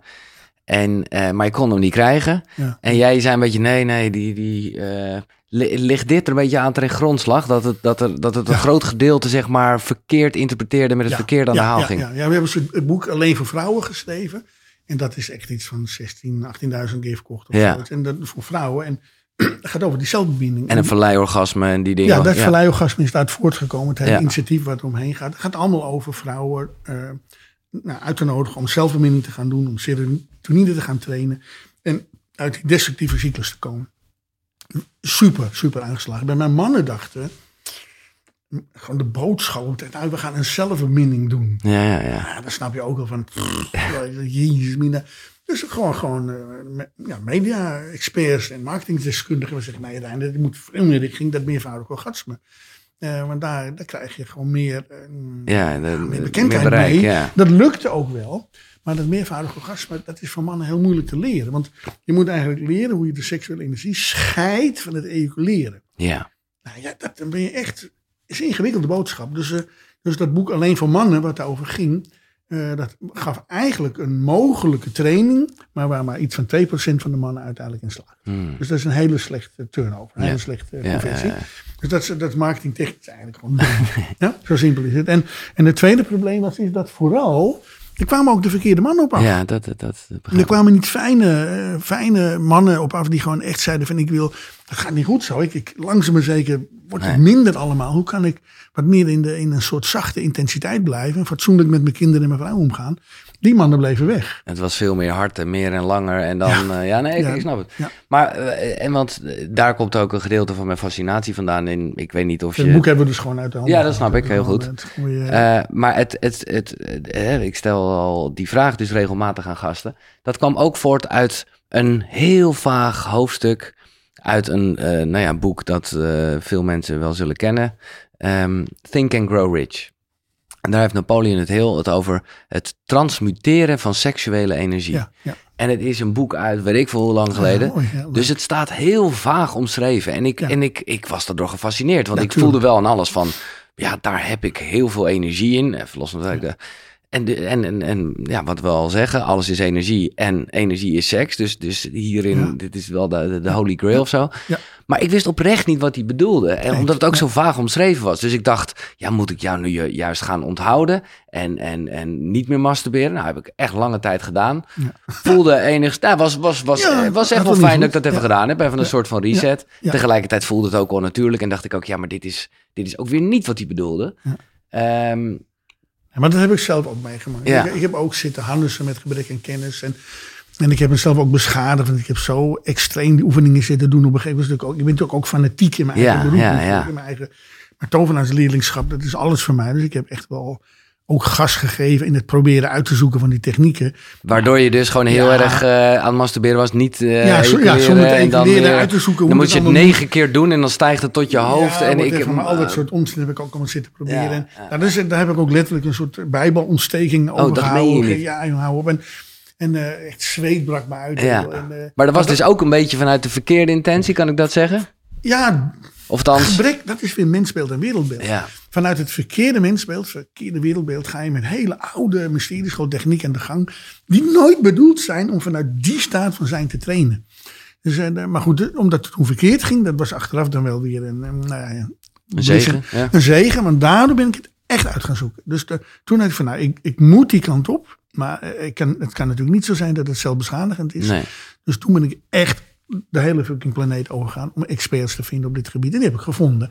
En, eh, ja, en nu, nu weet ik exact hoe het zit. Ik, bedoel, Ja. ik, ben echt, eh, ik kan echt alles vertellen over seksuele transformatie. Mannelijke, vrouwelijke, eh, hoe dat werkt, allemaal alles. En ik weet ook de drie verschillende sporen. Hè. Je hebt de, de way of the monk of the way of the non. Nee, dus ook in onze cultuur kennen we eigenlijk wel dat nonnen celibataire gelofte, afleggen. Dus waarom doen nonnen dat? Snap je? Ja, en eh, dat loopt. En, en, en monniken ook. Ja. dat is toch best wel onnatuurlijk? Ja, dat is helemaal niet onnatuurlijk. Alles is eh, eh, natuurlijk. Ja, Die, die, kijk, waarom een non of een monnik dat doet, is omdat hij zijn seksuele energie op zo'n manier wil gaan laten stromen, dat zijn gebed met God open gaat. Het is gewoon een spiritueel pad. ja. En, en daar gaat ze helemaal uit van dat, dat er geen erectie meer is bij een monnik en dat een vrouw helemaal niet meer vochtig wordt. Maar het is best wel een ingewikkeld pad om, om goed te krijgen. Heel elegant. Nou ja, nu in onze tijd wil niemand meer non zijn Nee. monnik zijn. Maar ik, ik, wat een hele, het is een hele goede techniek als je bijvoorbeeld in een relatiebreuk zit. Als je dus heel verliefd bent en de ander zegt toch, nou ik maak het toch uit of ik ga met een ander. En dan ben je eigenlijk eh, gewond Ja, omdat we niet seksueel getraind zijn. eh, of stel voor, je, je bent al 30 jaar met een dezelfde partner en die sterft. Of een verkeersongeluk of eh, ziek, weet je wel. En dan gaat eraan. Dan zit je opeens zonder je vaste maatje, waar je ook seksueel intiem mee bent. En dan ben je gewond. Ja. Dan ben je hier gewond in het bekken. Nou, dan, maar omdat we niet getraind zijn, krijg je langzaam maar zeker drang. Want eh, we willen één keer per maand minimaal Ja. gaan we, dan worden die hormonen sterker dan ons eigen gedrag. Nou, dan is dit gewond en dan ga je vanuit het bekken leven. Wat doe je dan? Dan zoek je mensen die passen bij die wonden. Dus die er ook belang bij hebben om die wond in stand te houden. Dan moeten het giftige relatie. Precies. En dan zeg jij, dan is onthouding juist heel krachtig. Omdat dan de energie maar wordt onthouding opgespaard. zelf, dat is, in- dat is interessant. Kijk, die monniken en die nonnen, als je dat leest, jongen, die, dat is natuurlijk al sinds de middeleeuwen helemaal fout gegaan. Ja, Want ze hebben de technieken weggehaald. ja. Als je ze tegen doen een- het alleen niet een meer. jonge vrouw zegt, een jonge man zegt, je mag er niet meer aankomen. Maar de technieken niet geeft, nou, dan is gewoon het onderdrukken van Ja. het meest sterke wat er bestaat, seksuele energie. Nou ja, die, die nonnen die komen allemaal in dwangmasturbatie. Ja. En, en dwangmasturbatie hebben het echt over 50, 50 keer per dag klaarkomen. Ja. En Of het, wordt, of het wordt in de dromen geregeld. Dat is nou ook mooi. eindeloze orgastische dromen. En, en, die monniken en die priesters, ja, dat weten we nu, die gaan achter de jonge jongetjes aan. Dat wordt een soort infantiele overnemende kracht. Ja. Dus, eh, maar als je de technieken echt kent en echt toepast, dan word je een waanzinnig veilige non, een waanzinnig veilige monnik. En in recordtempo is je gebed op superdiepte. Dus, eh, Maar, en ik, en ik, en ik, er zijn meer van dat soort technieken. Ja, nee, ik wil even kijken. Want we, je had het over drie eh, soorten. Dus we gaan, maar Ja. eerst nog even toch een klein beetje weer die techniek. Hè, want ik vind het fascinerend. Want een techniek, ik bedoel, ja, de techniek om het niet te doen is toch gewoon om het niet te doen. Of jij bedoelt te zeggen hoe je dan wel omgaat met het gevoel in je buik. Is Exact. Kijk, er zijn twee vormen van seksualiteit. In onze cultuur is maar eentje bekend. Dat is voortplantingsseksualiteit. Dat is wat, dat is wat we allemaal weten. Gewoon eh ja, bijtje, bloemetje, Ja. Nou, op een middelbare school leren een condoom over een banaan doen. Zoiets. Nou, ja om, om, om dus juist die voortplanting niet te laten ontstaan, maar wel de handeling te kunnen doen. Wel de blis, Ja. maar niet de probleem. Ja, dat Van- is, dat is zo Dus kennen wij We zijn allemaal Oké, bliss. maar wat is die andere manier dan? De andere manier is transformatieseksualiteit. En bij transformatieseksualiteit gebruik je de energie om baby's te maken. Niet om een echte baby te maken, maar die energie gebruik je om je eigen energiesysteem te gaan vergroten en veredelen. Ja, dat is ook een beetje dat transmuteren dus, om ja, dat is het transmuteren. Dus je leert eigenlijk, hè, dus als je als man als vrouw een, eh, gaat vrijen om een babytje te maken, dan komt de mannelijke en vrouwelijke energie bij elkaar. En het, het creëert een soort babystof. Ja, En het babystof, boem, dat maakt een babytje. Super. Geen enkel probleem. Dus voortplanting seksualiteit. En de natuur heeft ervoor gezorgd dat dat fijn is. ja want dat- anders gebeurt het niet. Anders gebeurt het niet. Nee. Snap je? Dus eh, dat zit Ja. allerlei trucs omheen. En dat noemen wij dan eh, dat het allemaal natuurlijk is. Maar Ja. we, we worden gewoon gefopt door de Ja, nee, waanzinnig. Maar goed, er is nog een andere vorm van seksualiteit. Waarbij je zegt, wacht even. Seksualiteit moet altijd stromen. Zodra je seksualiteit gaat onderdrukken, wat jij ook kan proberen, weet je wel, Ja, ja. dan, dan loopt het verkeerd af. Het wint altijd. Dus seksuali- seksualiteit onderdrukken is gewoon een gegarandeerde route naar schade. Op honderd verschillende manieren. Nou, hoe krijg je het dan toch stromend, terwijl die energie niet naar buiten gaat? Dan moet je die seksuele energie in jezelf leren stromen. En meer omhoog laten komen. Is Het het, gaat eigenlijk, je moet eigenlijk, voorkant seksualiteit, zo klinkt het een beetje, is van hoe gaat het van mij, man, naar de baarmoeder van de vrouw? Ja. En hoe, wat gaat er daar gebeuren? Maar als je eenmaal in die, eh, via de zelfbeminding gaat werken of via transformatieseksualiteit, heb je niks meer met de ander te maken, voor de duidelijkheid. Dus het is monocultivatie. Dus wat mijn, mijn vrouw of wat de partner doet, interesseert me geen klap. Het gaat over wat ik doe. ja. En Nou, ik die interesseert me geen klap. Ja, dat interesseert je natuurlijk Ja, wel. Maar, maar ik- dan gaat het over verbinding. En Ja, dat, eh, snap je? Het gaat Ik- ik over allerlei het. dingen. Maar, Ja. Maar, eh, maar als je dit soort dingen gaat trainen, dan train je de energie uit je eigen, in jouw geval testicles. En dan leer je dat stromen te krijgen in je eigen innerlijk landschap. Dus, dus je krijgt een soort droomstroom van seksuele opwinding. Die dus in staat is om babystof te maken. Maar dat babystof hou je in jezelf. Ja. En dat is wat er gaat gebeuren. En, en als, je dat, als je dat goed voor elkaar krijgt, ja, dan krijg je een soort, eh, nou ja, er komt een soort motor onder alles wat je bent. Ja, Dus, eh, kijk, in onze cultuur zie iedereen wil lekker eh, geboren worden en dan komen we lekker enthousiast, weet je wel. Dan zijn we 18 en de paringsdans, 28, weet je wel. En dan gaat het langzaam naar beneden en dan zo tegen 45 zit een beetje, hm, is er nog een plan B, weet je wel. En dan... nou, dat blijkt er dus niet te zijn in onze cultuur. En dan krijg je die crash landing in de kist. Hè. Gewoon iedereen gaat gewoon op een erbarmelijke manier. aftakeling is. Ja, begonnen. precies. En jij En zegt, is- is niet nodig. Nee, dat is weer zo'n verschil in mensbeeld en wereldbeeld. Dat is absoluut onzin dat we dat doen. Dus wij denken, het is onvermijdelijk. Want mijn vader, mijn moeder, mijn opa, oma, de, de, buur- iedereen gaat op die manier eraan. Dat is gewoon onzin. Het is een culturele doodlopend spoor. Wat niet noodzakelijk is. Je kunt allemaal heel gezond oud worden. En met nagenoeg lijdensvrij sterven. Nee, dus je kunt echt gewoon tot je honderdste gezond blijven. En dan drie dagen later dood zijn. Door, door die seksuele energie, Ja, ja, ja, eh, de, de, vitaliteit. Door eh, steeds, je moet eigenlijk, wij worden geboren en dan gaan we dood. Maar de kunst is eigenlijk om geboren blijvende te zijn. Ja, je, je moet, je moet niet denken, oh, ik ben toen geboren en dat was het. Maar die truc van de natuur om jou geboren te laten worden, die kun je toch herhalen als die truc bestaat. Je puzzelt hem uit. Dan kun je continu in jezelf de, dat babystof aanmaken. Dus Ja. ik blijf geboren. Er zit steeds een klein reinoutje in. En dan de volgende dag weer een klein reinoutje. En de volgende dag weer een klein reinoutje. En, en dat is wat die tovenaars bedoelen. Die Ja. zeiden van, ja, maar je hebt geen energie. Je hebt alleen maar de en- energie om één leven reinout te zijn. Dat is te weinig. Maar je moet meer energie maken, zodat het continu aangevuld wordt. Ja. En, En- het en- aanvullen, dat is de truc. Ik, ik heb zelf... En het is voor de duidelijkheid ook weer, het is geen straf om een goede seksuele convoel getrainde man of vrouw te zijn. Het is zeer aangenaam. Nee, dat begrijp ik goed. Seks Nee. is eigenlijk altijd leuk. Of je het nou via transformatietechnieken gebruikt of via voortplantiechtechnieken. Als je het op de goede, veilige manier toepast, altijd goed. Ja. Ja. Maar Maar het wel- is extreem dom dat we dat niet doen met z'n allen. De, de, de, de, eh, Ja, is eigenlijk de reden waarom ik hier zo, druk zit te maken Ja. met jou. Is omdat ik, ik heb deze dingen voor mezelf geleerd. Ja. Ik had nooit, nooit de bedoeling om eh, jullie lastig te vallen met het nee, maar ik ben blij dat je doet. Maar toen op een gegeven moment ontdekte ik, maar wacht eens even, wat in het Westen aan de hand is met de seksualiteit, met, met of onderdrukken of pornografiseren, en of, eh, of zeg maar niet weten hoe je zwangerschap moet voorkomen met pillen en hoe we voorkomen dat overbevolking ontstaat, we zijn gewoon allemaal gek geworden. En toen ontdekte ik opeens, ah, maar als mensen dit niet weten, hoe je dat babystof in een echte baby kan stoppen, hoe je dat babystof ook in jezelf kan stoppen, dan gaat de mensen leeg worden. En als je leeg wordt, dan, word moet je je oud. grensoverschrijdend. Ja, ooit word je grensoverschrijdend. Ja, ja. En zit het een beetje, want ik, ik, ik, ik vind dit dus echt een waanzinnig onderwerp. En wat ik er zelf eh, gewoon eh, met, met, met experimenteren zeg maar merkte was dat...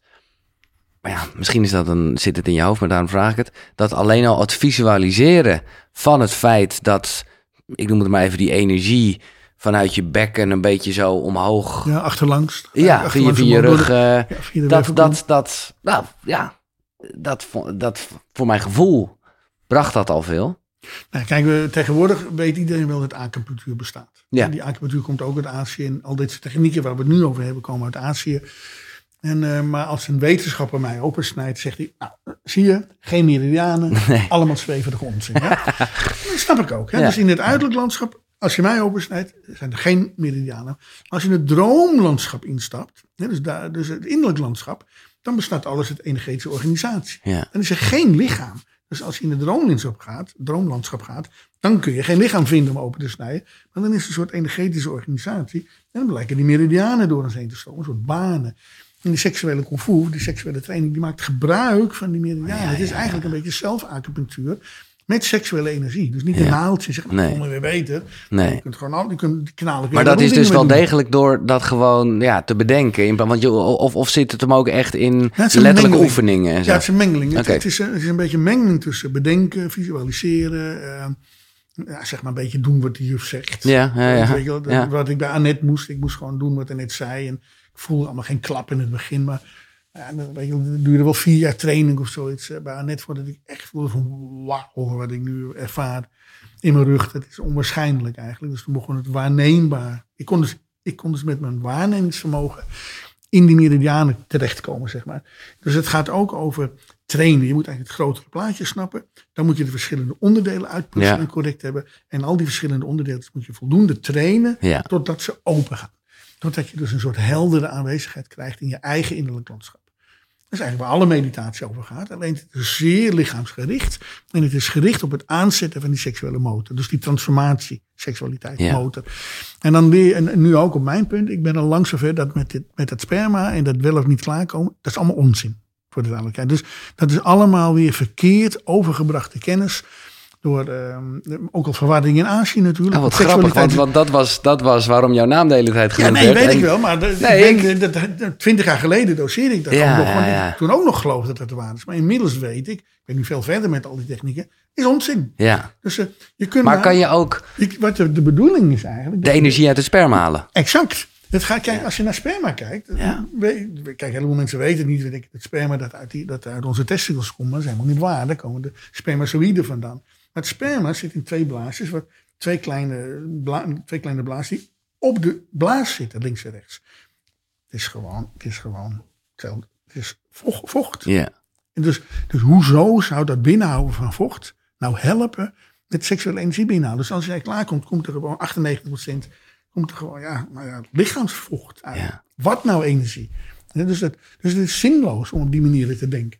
Je moet al lang zelf die energie eh, getransmuteerd uiterlijke hebben. En wat er dan, er dat- nog van ja, vloeistof wat uitkomt. Ja, precies. Dus je kunt gewoon je kunt de energie er dagelijks uithalen. En als je dan een keertje klaarkomt, kijk, we komen toch ons halve leven, zijn we met, met het sperma en enzovoort, we doen maar wat. Iedere, Ja. iedere man heeft, heeft emmers met sperma achter het schuur staan, zeg maar. ja, let's talk. Dus, dus, Ja. Maar dus daar gaat het helemaal niet om. Het Nee. gaat gewoon om dat je leert de energie eruit halen. En als je dan wel of niet klaarkomt, jongen, dat maakt helemaal geen zak uit. En, en een ander ding is dat het verward is met dat je andere vormen van orgasme kunt beleven dan een zogenaamd piekorgasme. Dus in ons, als je ongetraind bent, dan is de energetische sprong van de energie naar de baarmoeder en, en het klaarkomen, het ejaculeren is hetzelfde. Maar als je getraind wordt, kun je dat scheiden. Ja, dat is wel Ja, interessant. en, en, dat, en dat wordt in, dat in die allereerste boeken die naar voren kwamen, werd het, dat scheiden te veel gedaan met million dollar point, met ja, drukken. ja, ja, ja, En dan kun je ook de verkeerde punten drukken en zo. En, ja. nou, dat blijkt allemaal onzin. Oh, ben ik blij mee. Allemaal Want onzin, ik ja. ben er ook mee opgehouden. ja, dat eh, heb je goed gedaan. Oké, top. Het is gewoon, dat zijn weer broodje aapverhalen. Ja. Die je, Nee, maar ja. ja. omdat niemand wist waar het over ging. Zal Nee. wel waar zijn. ja. Maar het blijkt dus niet waar te zijn. Dus het gaat dus niet over wel of niet eh ejaculeren en energieverlies. Het gaat erover dat je gewoon dat je een soort reflexmatige stroom van seksuele energie door je rug omhoog krijgt. En eh, die door de voorkant van je lijf naar beneden gaat. ja. Waardoor dat babystof continu binnen jou blijft. En is het dan eigenlijk zo dat bij vrouwen dit eh, van nature gaat? Of, of is Nee. dat... Nee. Dus bij vrouwen blijft energie, eh, als een vrouw een orgasme heeft, dan blijft de energie. Kijk, als je gaat vrijen, dan gaat die seksuele energie uit de eierstok bij een vrouw. Dat zeggen we ook overal natuurlijk. De erogene zones, het hele lijf, afhankelijk van Mhm. hoe gezellig je het gemaakt hebt met elkaar. Eh, maar als het vrouw dan een, een orgasme heeft, dan gebeurt er een soort naar binnen spiraal en de kracht met. Het, het, het verzamelt Ja. zich eigenlijk in de baarmoeder. Hè, want daar moet eigenlijk de conceptie plaatsvinden. Dus de energie doet dit. Ja. En eh, dus, dus de, de vrouwen blijft de energie binnen. Maar vrouwen moeten net als mannen Ook dat leren, leren hoe ze het consumeren. Ja. En dat, dat ben ik nu met uh, orgasme. Dus aanvankelijk was het alleen voor vrouwen. Nou, het zijn nu 5.000, 6.000 vrouwen aan het trainen. En het is gewoon verbijsterend om te zien eh, wat dat oplevert. Hè. De, de, wat ik al jaren beweerde, dat het echt... Nou, het is gewoon een verschil van dag en nacht, of Ja. je wel of niet traint. Maar dan beginnen de mannen nu op te vallen. De leuke mannen beginnen uit te zien. Ja. Wacht eens even, die vrouwen die zien echt wel stikgoed uit. Ja. En die beginnen ook weer gloed te krijgen. Ja. Meestal, meestal gloed vind je alleen bij jonge vrouwen. Bij oude vrouwen verdwijnt dat. Als oudere vrouwen van 60, 70 gaan trainen, krijgen ze dezelfde gloed weer. Het is, dus die vrouwen blosjes op de wangen komt terug. Letterlijk, ja, niet alleen blos op de wang. Je ziet ook letterlijk dat ze weer seksuele wezens Ja, zijn. ja, ja. Dus We zijn, Fantastisch. we zijn altijd seksueel. En de leuke mannen beginnen het nou te zien.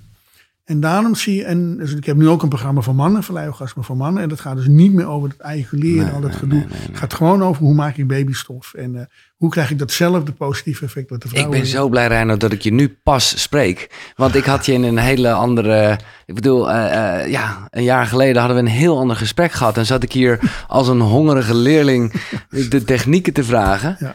Eh, en die Nou, had een je jaar dan geleden misschien... had ik je ook al uit de droom geholpen. Maar Nee, ja, oké. twintig jaar geleden, dan had ik zeker meegedaan in de algehele verwarring. Ja, ja, Ook, hè. ja, ik heb echt wel moeten puzzelen om dit eh, goed helder te krijgen. En voor westerse mensen begrijpbaar te krijgen. Ja. Westerse Maar mensen denken verkeerd. Maar dat is heel vaak met, met, met allerlei dingen die hier aan tafel besproken worden.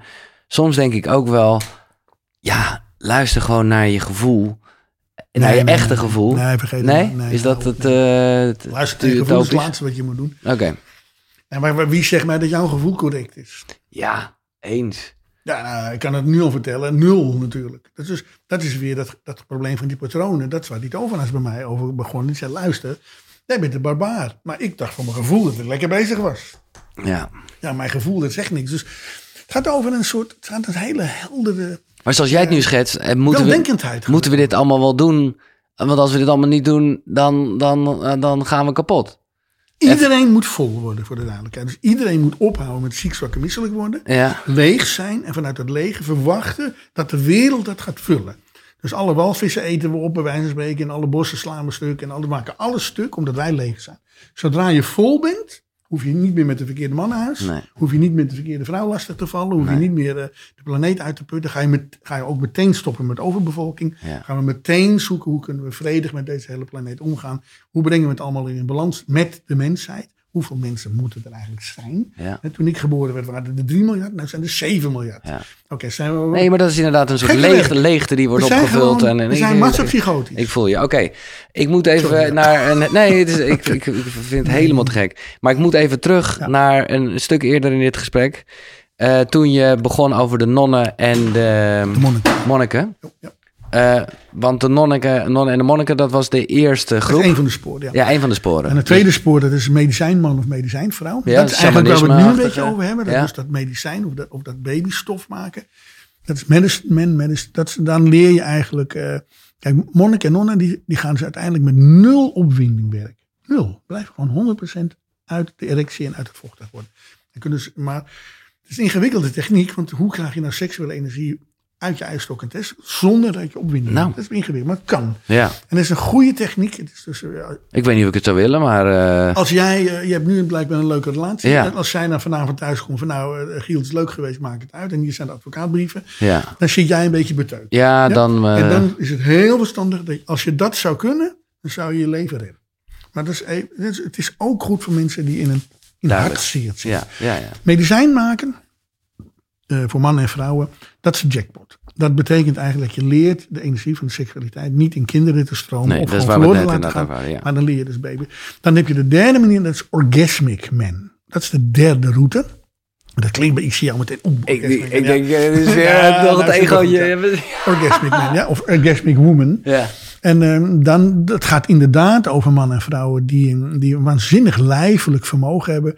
En die dus vrij eenvoudig die andere orgasmes dan piekorgasmes kunnen ontdekken. Die zijn daar echt gewoon, komt ze aanwaaien eigenlijk. En voor de duidelijkheid, ehm, de monk voor mannen, medicijnman of orgasmic man, het zit alle drie in ons. Dus die drie paden zit je altijd allemaal in ons.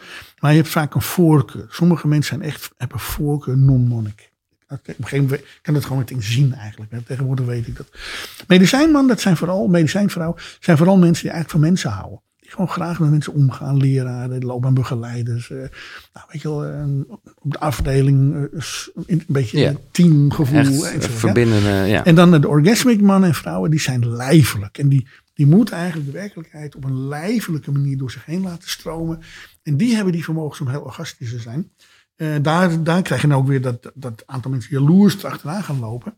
Maar die moeten dan ontdekken dat dat weliswaar, weliswaar een leuke bonus is. Maar orgasmic man of woman gaat helemaal niet over orgasmes. Dat denken we. Dat, kijk, bij een orgasme word je goed doorbloed. Mhm. En, en orgasmic man of orgasmic woman gaat over hoe gaan we om met ons bloed. Eh, als je het hebt over leven, heb je het over bloed. Dus die interne alchemisten hebben ontdekt hoe hou je het bloed optimaal in je, in je lijf tot op zeer hoge leeftijd. En hoe hou je het door bloeding heel erg goed tot op zeer hoge tij- leeftijd. En als jij je leven niet goed doorbloed hebt, hè, als jouw lever ziek wordt, dan kun je door een leverorgasme superieure bloeding in je leven krijgen, genees je dus je lever weer. Dus die orgastische mannen en vrouwen, die kunnen hun orgastische energie sturen naar een bepaald orgaan, naar de longen of naar de knieën, kunnen ze gewoon, dat kunnen ze gewoon. En op het moment dat daar het orgasme losbreekt, dan krijg je een gigantische doorbloeding van dat weefsel. En dat is krankzinnig gezond. En, en eh, het piekorgasme is eigenlijk een heel magere doorbloedingstechniek. Ja, ja, alleen eh, daar. Ja. Dat, is echt, dat stelt echt niet zoveel voor. En eh, dat is één ding. Dus het gaat over het doorbloeden. En het tweede ding is, wat gaat er eigenlijk mis bij ouderdom? Ons skelet lost op in ons bloed. Dat heten we dan aderverkoning. Ja, ja. Dus ons, ons skelet wordt bros. En onze, onze veens, weet je, de aderen, die gaan verkalken. Maar dat verkalken, dat is het skelet. Wat daarin oplost. Het skelet lost op, gaat daarin vastzitten. En dan ga je dood. Eigenlijk, dat heet ouderdom. Maar ouderdom is eigenlijk niks anders dan het skelet oplossen in de bloedvaten. En dan ben je weg. Ja? En dan moet je niet denken dat dat niet natuurlijk is. Dat is supernatuurlijk. Dus dat is geen ziekte. Maar kijk, eh, wij maken kinderen. Die kinderen, die moeten de ruimte krijgen. Dus Ja. wij moeten de verwekkers. ja, het klopt gewoon. Het is gewoon het proces, Ja, dus, ja. dus wij worden eerst gezond gemaakt zodat we kunnen verwekken. Zodra we verwekt hebben, wordt de knop omgedraaid en worden we door de natuur weer verwijderd. En worden we weer eruit gehaald. Maar dat, dat is allemaal omdat we onbewust en ongetraind zijn, zijn we dat aan het doen. ja. Maar ik vraag me af, waarom zou ik, als ik dit weet, mijn skelet laten oplossen in mijn aders? Laat het bloed lekker dat doe je stromen. met orgasmic technieken. Ja, ja, Dus met orgasmic technieken kun je de, dan moet je de bot in, want het bloed wordt gemaakt in onze botten. Dus als je met de goede manier met de botten omgaat, dan krijg je het gevoel van, nou ja, kom je bij, de, bij dat onsterfelijke gevoel uit. Ja. Je, kunt heel, je kunt veel gezonder en veel langer leven dan we denken. Jij noemt net even iets en ik wilde dat toch Ga gaan. er wel een sneltreinvaart Nee, doorheen. jongen, ik eh, ga door.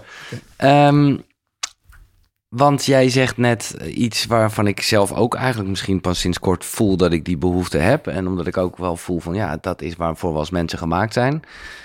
Eh, namelijk om het leven door te geven. Hè, dat is in ieder geval een van de twee, heb ik net geleerd, redenen om seks te hebben. Namelijk de voortplanting. Ja. Ik begrijp eh, niet zo goed eh, jij met alle wijsheid die je hebt, die je, nou ja, gelukkig eh, nadat je voor jezelf op pad ging, ook nu deelt eh, hè, met, met, met de wereld. Maar jij hebt op je 37ste besloten om je te laten steriliseren. Jij bent bewust kinder, kindvrij. Kindvrij, ja. Ja, dat vind ik eigenlijk zo niet rijmen met, met de. Ja, met de passievolle en ook zachte. En ja, met, met de man die ik hier zie zitten. Dan denk ik, man, wat een mooi product dat jij eh, kunnen. Nee, maar ik heb, ik heb eh, al heel vroeg besloten dat ik kindvrij was. Ja, maar- Op mijn achttiende was ik al kindvrij, dus ik was niet ongewenst kinderloos. Maar ik heb echt gekozen. Ja, maar wat voor is in dat? dit Wat, is dat? Wat is dat voor een Nou, dat kronkel? komt omdat mijn, eh, ik, ik, zelf een beetje met trouwen, zeg maar. Ik, ik, ik, ik was een soort getrouwd met mijn keuze om tovenaar te worden. Ja. En, eh, en eh, in, de, in de magie heb je weer twee Maar sporen. kunnen tovenaars geen kinderen hebben? Ja, ja, er zijn twee sporen. Oké. Er, zijn, er zijn bepaalde vormen van magie die zijn alleen toegankelijk als je gebaard hebt of verwekt hebt. En er is een bepaalde vorm van magie die alleen toegankelijk is als je niet gebaard of En jij wilde hebt. dat spoor. Op dat moment wist ik dat niet. Ah, maar, maar ik had wel een onbedwingbare helderheid. Ik ga in dit leven geen kinderen maken. En alle kinderen zijn mijn kinderen. Nee, tuurlijk. Snap je? En eh, nee, dat, dat gaat natuurlijk ook over zingeving. Het leven gaat niet alleen over het voortplanten van de soort, maar het gaat ook over zingeving. Sure. Als, als je kinderen geboren laat maken, dan mogen ze nu met z'n 18 in een tank kruipen, die dan even later op een mijn rijdt. Dan denk ik, waarom Dan, heeft, eh, heeft die moeder Nee, oké. Nee, je, je? je hebt het. eh, Dus- ja. dus in godsnaam, eh, dus, en nu ook, nu hebben we nu 7 miljard baby's gemaakt in de Ja. periode ik leef. Ja, gaan we er straks 14 miljard van maken? Ja, want het leven en de, de voortplanting gaan we, er dan, gaan we er dan 28 miljard Ja. van maken. En 65 miljard, dan gaan we 100 miljard. Gaan we straks met drie lagen mensen Nee, boven- ik snap je. Maar je snap je ook mij dat ik juist denk van ja, maar als er iemand eh, een mooi product op de wereld had kunnen zetten, dan is het wel Reinoud Eleveld. Nou, maar ik heb, ik heb wel moeten rouwen.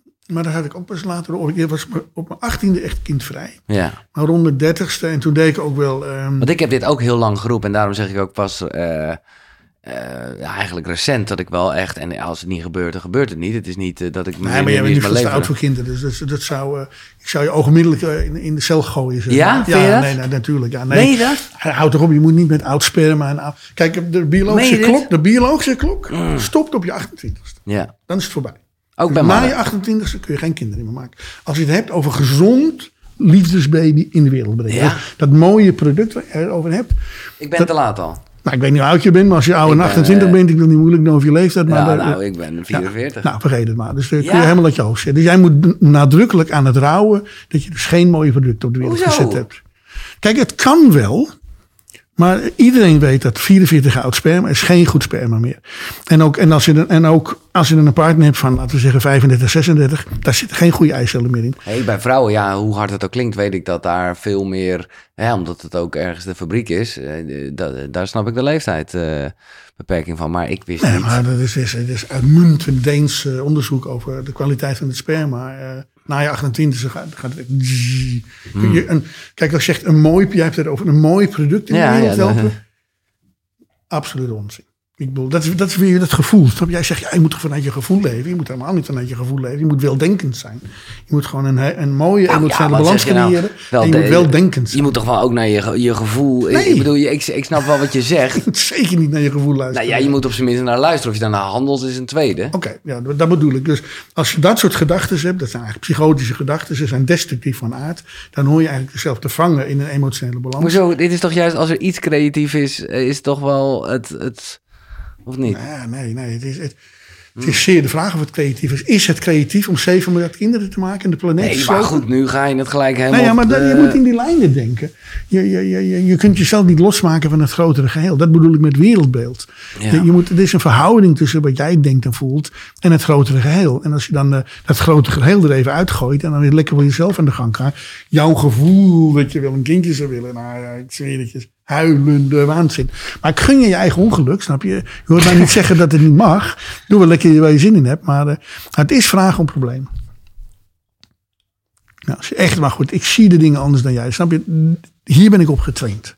Ik ben getraind om genadeloos andere conclusies te trekken. Dan ik hou ervan. Ik, uh, ja, en en uh, als je me dan gaat interviewen, dan krijg je de verkeerde antwoorden natuurlijk. Maar, uh, nee, nee, nee, ja. er is geen verkeerd. En het, het inspireert me ook wel. Maar het is, ik kan niet ontkennen dat ik wel even... maar even, over, even naar mezelf. Ja. Ik, kijk, ik heb, ik heb gespeeld als kind vrij geworden om 18e. Maar ik snapte niet op dat moment dat ik wel moest rouwen over mijn niet, niet verwekte kinderen.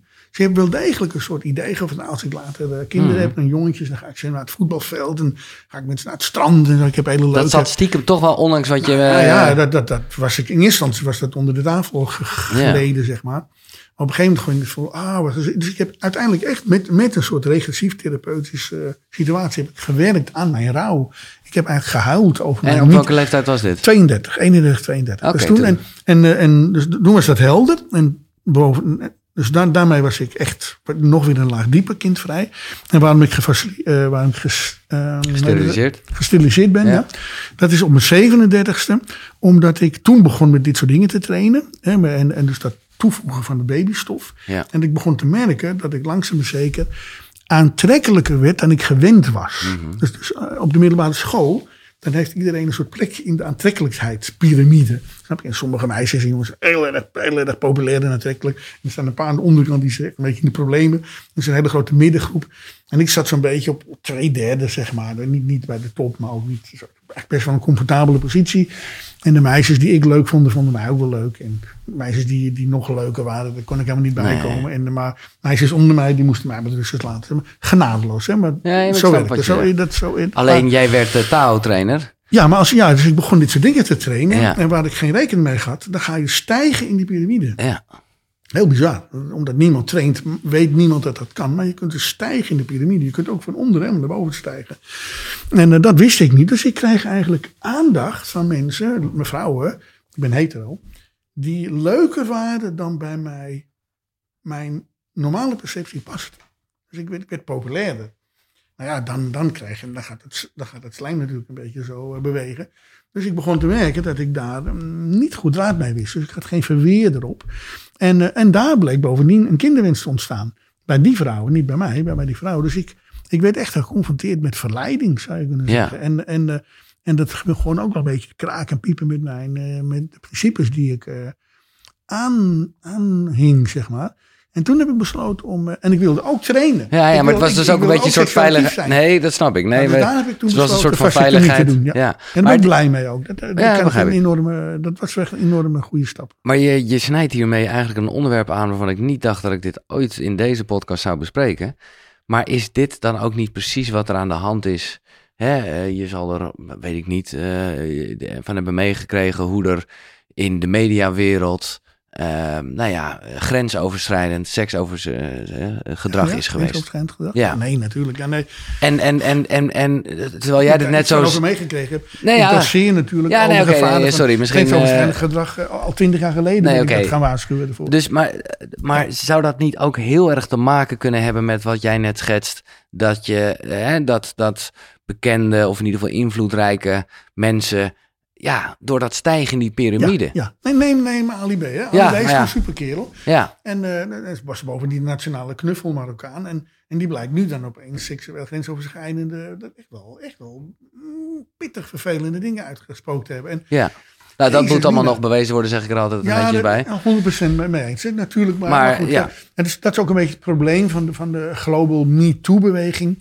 Dat een heleboel eh, seksueel grensoverschrijdend gedrag niet, bewees, niet bewijsbaar is. En daardoor nooit bestraft is. Of daardoor nooit. Snap je? Je moet, je moet nog een heel gruwelijk protocol Mhm. om een bewijsbare. Dat is waarom eh, mensen denken, ik begin er niet aan. Ja, wat ook eh, weer Maar vreselijk wat is. er nu gaande is, eigenlijk wat, wat globaal met MeToo gebeurt, is eigenlijk dat gewoon iedereen zegt: Weet je wat, ik hoef het niet met naam en toenaam te noemen, maar blijf fucking van me onder. Ja, Snap je? dat is op zich een mooie... eh, Ja, dat is heel erg gezond. En ja. niemand heeft het over wel niet bewezen is, maar je ziet de algehele reactie van de mannelijke wereld, Ja. de grensoverschrijdende wereld, Ja. dat ze echt wel, dat weten we ook allemaal, in die onderbroeken zitten. Ja. Snap je? En Wat wil je zeggen over Ali daarin dan?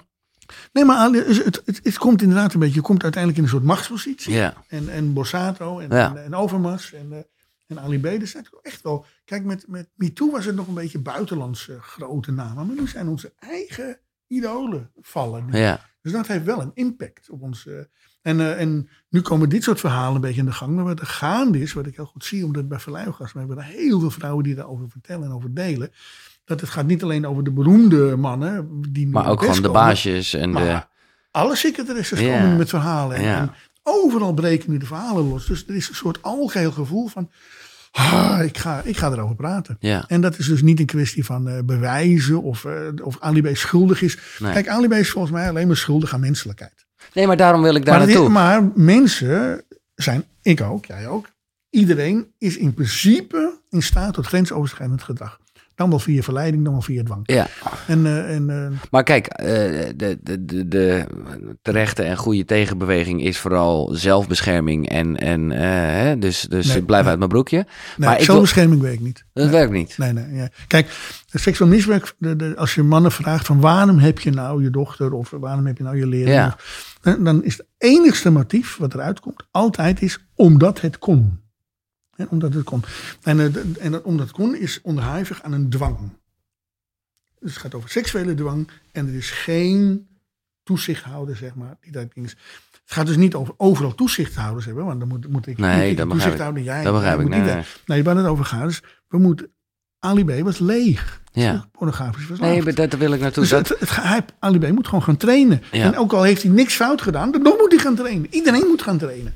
Eh Bossato, ik weet ook nog, nee, ja, Marco Bossato. Die ging er met Leontien vandoor. Ik weet het, dat was, dat was dat leuke meisje. Ja, dat met die, met de die, met bordjes die, met die omhoog, bordjes. eh, ja. Jee, dat is echt een supermeid. En Marco die wint de hoofdprijs. Ja. Dat is op die bovenkant van de piramide. Ja, leukste man van Nederland, leukste vrouw van Nederland. Ja. Die gaan samen, droomhuwelijk. Maar die Leontien zit er ook een beetje thuis. En ik zit ook, jezus, heb je Leontien? Is nog niet genoeg. Dat is, dat is onvulbaar. ja. Snap je? Dus Marco is leeg. En dat gat kan Leontien niet vullen. Heeft, anders had hij, had hij dat echt wel gedaan hoor. Ja, Leontien is een supermeid. Ja. Heeft echt wel de best gedaan aan Marco. eh, zeg maar, eh, te zinnen Ja. te zijn en te willen Maar te komt dat dus ook, hè, dat piramideverhaal snap ik dan, maar ook omdat er gewoon, omdat seks op een hele verkeerde manier beleefd wordt, die dus wel vol staat van die dopamine en, en, Exact, en de exact, dwang ja. en, en, En het is allemaal voortplantingsseksualiteit. Met bliss, met, met anticonceptiemiddelen Ja. ertussen. Dus, dus we zijn allemaal verslaafd aan die bliss. En, eh, maar, maar dat levert niks op. We, we zitten baby's te maken zonder baby's te maken. Nou, dat is verloren energie. ja, Terwijl als je die baby's nou in jezelf gaat maken, als Marco nou in zichzelf innerlijke rijping gaat ontwikkelen, of Ali B of Mark Overmars, dan komen ze uit die seksuele dwang waar het in zitten. En dan worden het, Ali B is in principe een veilige man. Marco Borsato is in principe een veilige man. Maar ze zijn net als een priester ehm, op de verkeerde plek terechtgekomen. Maar ze hebben, als hun het niet lukt, lukt het toch niemand? Zij zijn toch onze alfamannen? Dus, eh, dus we- daarom is het wel goed dat je net zei, we hoeven hem niet te veroordelen op basis van nog niet vastgesteld enzovoort. Maar dit overkomt ons allemaal. ja, Dus hoe gaan we eigenlijk om met veiliger worden? Veiliger worden gaat over vol zijn. Je moet van binnen vol zijn. Dan heb je niemand meer nodig. Ja, het, is, het is echt, het is trainbaar. Veel makkelijker dan we denken. Ja. Alleen je moet het principe aanvaarden. Van, Nou ja, van, eh, En wat vooral zo groot eraan is, is dat het hele begrip van wat wij denken dat seks is, totaal moet worden aangepast. En dat is wat ik dus ook wel voelde. En daarom ook eigenlijk altijd die tantra-vraag en zo. Omdat je gewoon wel wist van, hé, hey, dit is datgene wat wij, wat, wat wij denken dat seks is. Namelijk wat we zien op de filmpjes. Ja. Dat is, dat, nee, dat is... allemaal onzin. Ja, maar om dat te gaan debunken, dat is, dat is bijna niet te doen. Nou ja, daarom zit ik hier. Nee, Ik heel goed. Ik zit vol enthousiasme. Nee, eh, Dus, eh, eh, mij heb je. Ik leid niet in, in het eh, leven van mijn boodschap. Zeg. Nee. Ik, heb, ik, ik ben stressvrij, ik ben Ja, ja, ja, enthousiast. Ik, geniet, geniet van het leven, er is niks mis met mij. Nee. En ik ben veilig voor, eh, voor mannen en vrouwen, whatever. Ja. Ik val niemand lastig. En eh, dat kan dus. Ja, nee, dat het kan is daar. Nee, ik bedoel te zeggen, long way to go. Wat, wat nog niks mis mee Nee, maar je, je- dit soort dingen, kijk, als je, als je op de juiste manier eh, doet wat hij je zegt, dan kun je het eigenlijk binnen 2,5 maand al, kun je het al. Ja, ja. Dat is relatief makkelijk. Het is niet moeilijker dan leren fietsen. Maar om dat vermalendije wereldbeeld en mensbeeld, duurt het een tijdje voordat je snapt waar het over gaat. Ja. Maar de techniek zelf is simpel. Het is echt een simpele techniek. Dus die, die verleiorgastische technieken, ze zijn gewoon simpel. Het is gewoon medicijn maken. Eerlijk gezegd, alle dieren kunnen het. Dus het is weer typisch menselijk om daar dus in en war te zijn. Als gewoon musjes, wat doen die musjes? Die gaan, en nu komt het lente, nu gaan ze in voortplantingsseksualiteit. Maar zodra het weer voorbij is, dan gaan ze in transformatieseksualiteit. Dat doen ze met vliegen. Door dat vliegen, dan gaan die, gaan die energie door de ruggengraat eh, van die beesten stromen. Ja, En die kunnen, gewoon, die kunnen gewoon 2000 kilometer vliegen. ja. Die vliegen gewoon Afrika op en neer. Dan, ik bedoel, als wij het park in moeten lopen, komen we wel uitgeput thuis. ja, zij scheiden dat, nou ja, bewust, eh, of die waarschijnlijk niet bewust, maar Nee, onbewust. Zijn onbewust dat gaat, ge- ja, ja, ja. En wij hebben op een of andere manier, wij mensen hebben dat onbewust bekwame systeem in de war geschopt. Maar dat is terug te trainen. Dus, daar zei ik, kijk, als ik, als ik alleen maar zit te moppen hierover dat iedereen Nee, hoor, half nee, is, dan, maar ik heb, ik heb een alternatief. Ja. Daarom ben ik eigenlijk uit Azië teruggekomen naar Nederland. Dat wat ik weet, de inzichten die ik heb opgedaan, het is voor iedereen te leren. Je moet maar één ding willen. Wil ik een fatsoenlijk mens worden? Ja. Wil, ik, wil ik veilig worden voor mezelf, voor mijn intimie, voor, voor, de, voor de planeet en het grote geheel? Als je dat wil, dan moet je trainen. ja. Als je dat niet wil, vooral niet trainen. En dan ga je gegarandeerd de boel stuk maken. Maar wat mij wel lastig eraan lijkt, waar ik ook achter ben gekomen. Kijk, hechting Ja. is een belangrijk eh, begrip eigenlijk in, waar ja. we het over hebben. En op het moment, en daar, daar heb ik zelf een beetje, en ik vind het altijd lastig om te zeggen, omdat ik Mhm. gewoon een hele gelukkige jeugd heb gehad. Ja. Eh, dus ja, daar geen kwaad wordt over. En ergens, eh, nou ja, heb je als kind, krijg je overal een beetje trauma's van. Want zo word je Je, je gebakken. loopt een beetje bont en blauw rond. Ja. Dat hebben we allemaal. Maar ik heb wel gevoeld dat misschien juist doordat er helemaal niet zoveel aanraking was. eh, nou ja, is, is hechting, laat ik dat zo maar gewoon eerlijk zeggen, is dat wel echt een, een werkpunt, laat ik het zo maar zeggen. Ja, kijk, hè, als je, als je het vanuit inter, interne alchemie bekijkt, dan hebben mannen het vuur in hun bekken en vrouwen hebben het vuur in hun hart. Ja, Dus vrouwen willen eigenlijk eerst hechting ja, en dan zeggen ze, en nu wil ik ook wel de, contact. ja, ja, ja. Maar mannen zitten met vuur hier en zeggen, nou, ik wil eigenlijk eerst hier contact. Ah, en die hechting komt later. ja, ja. Dus dat dat Maar dat is ook mooi, dat past op zich als een soort goede super, magneet super, eh, op Maar elkaar. omdat wij mannelijk gedomineerde wereld hebben, is het langzaam maar zeker geworden dat dit normaler is en dit minder. Ja. Dus de, de Je ziet het, yin, vader- het is echt het yin-yang tekentje eigenlijk, hè, met onder en In boven. zekere zin is van yang. Gewoon mannelijk en vrouwelijk wat in elkaar Ja. draait. En kijk, wij zitten in een mannelijk gedomineerde cultuur. Dat betekent dat de mannen zeggen, nou, laat dit, dit mag. Ja, Hè, gewoon vanuit het bekken op de vrouw af. En de vrouwen, die moeten niet zo zeuren. mooi gezegd. Dat is eigenlijk porno. of prostitutiebezoek. Ja, ja, maar, ja. En, eh, maar de werkelijkheid is dat mannen... Kijk, we zijn levende wezens. We- Het is belangrijk voor mij als man om mijn bekken op orde te hebben. En mijn hart op orde te hebben. Geldt voor jou ook, geldt voor de vrouw ook. En hoe krijg je dat nou op orde? Door allebei in stapjes te openen. Dat is een techniek die bekend staat als de zeven sluier techniek. En dat gaat eigenlijk over dat als je elkaar leuk vindt en spannend vindt, dat je stapje voor stapje eh, over en weer gaat. Dus je zegt, oké, nou, we beginnen bijvoorbeeld even met, met het bekken. We vinden elkaar leuk. Nou, handje vasthouden. En dan moet je eigenlijk, en dan mag je niet meer dan dat. Nee. Maar, en dan in het handje vasthouden, dat is eigenlijk een lichamelijke aanraking. Het bekken gerelateerd. Ja. Om je handje hand in hand op de bank te zitten, Heb je wel dat eerst geeft, wat verteld dat, over... dat geeft de vrouw de kans om wat hechtingsstraling. En de man zegt, ja, ik vind het leuk om met deze meid op een bankje te zitten. Als je meteen zegt, nou zo, dan jou nou eens kleren uittrekken. Jij kent ongetwijfeld als DJ, dat, dat is die superhit van Meatloaf. Van, uh, Paradise, Paradise- ja. Paradise. Dat is exact Dat, eh, dat is de dans. Dan zie je die twee helemaal barely dressed ja, in de Desperate. Light, weet je wel. En zo'n Ja. 6, 16, weet ik wel. Stoom vliegt er vanaf. En, ze, en zij, Cat wil ook. Ze willen allebei. Dan zit helemaal, ja, ja, ja. En op een gegeven moment zegt ze opeens, wait a minute. Zegt Ja. je. Stop right Ja. now. stop, stop right now. Ja. Do you marry? Do you say? en, hij, en hij zit echt van, oh, dat gaat helemaal verkeerd. Weet je, let's talk about it in the morning. Je.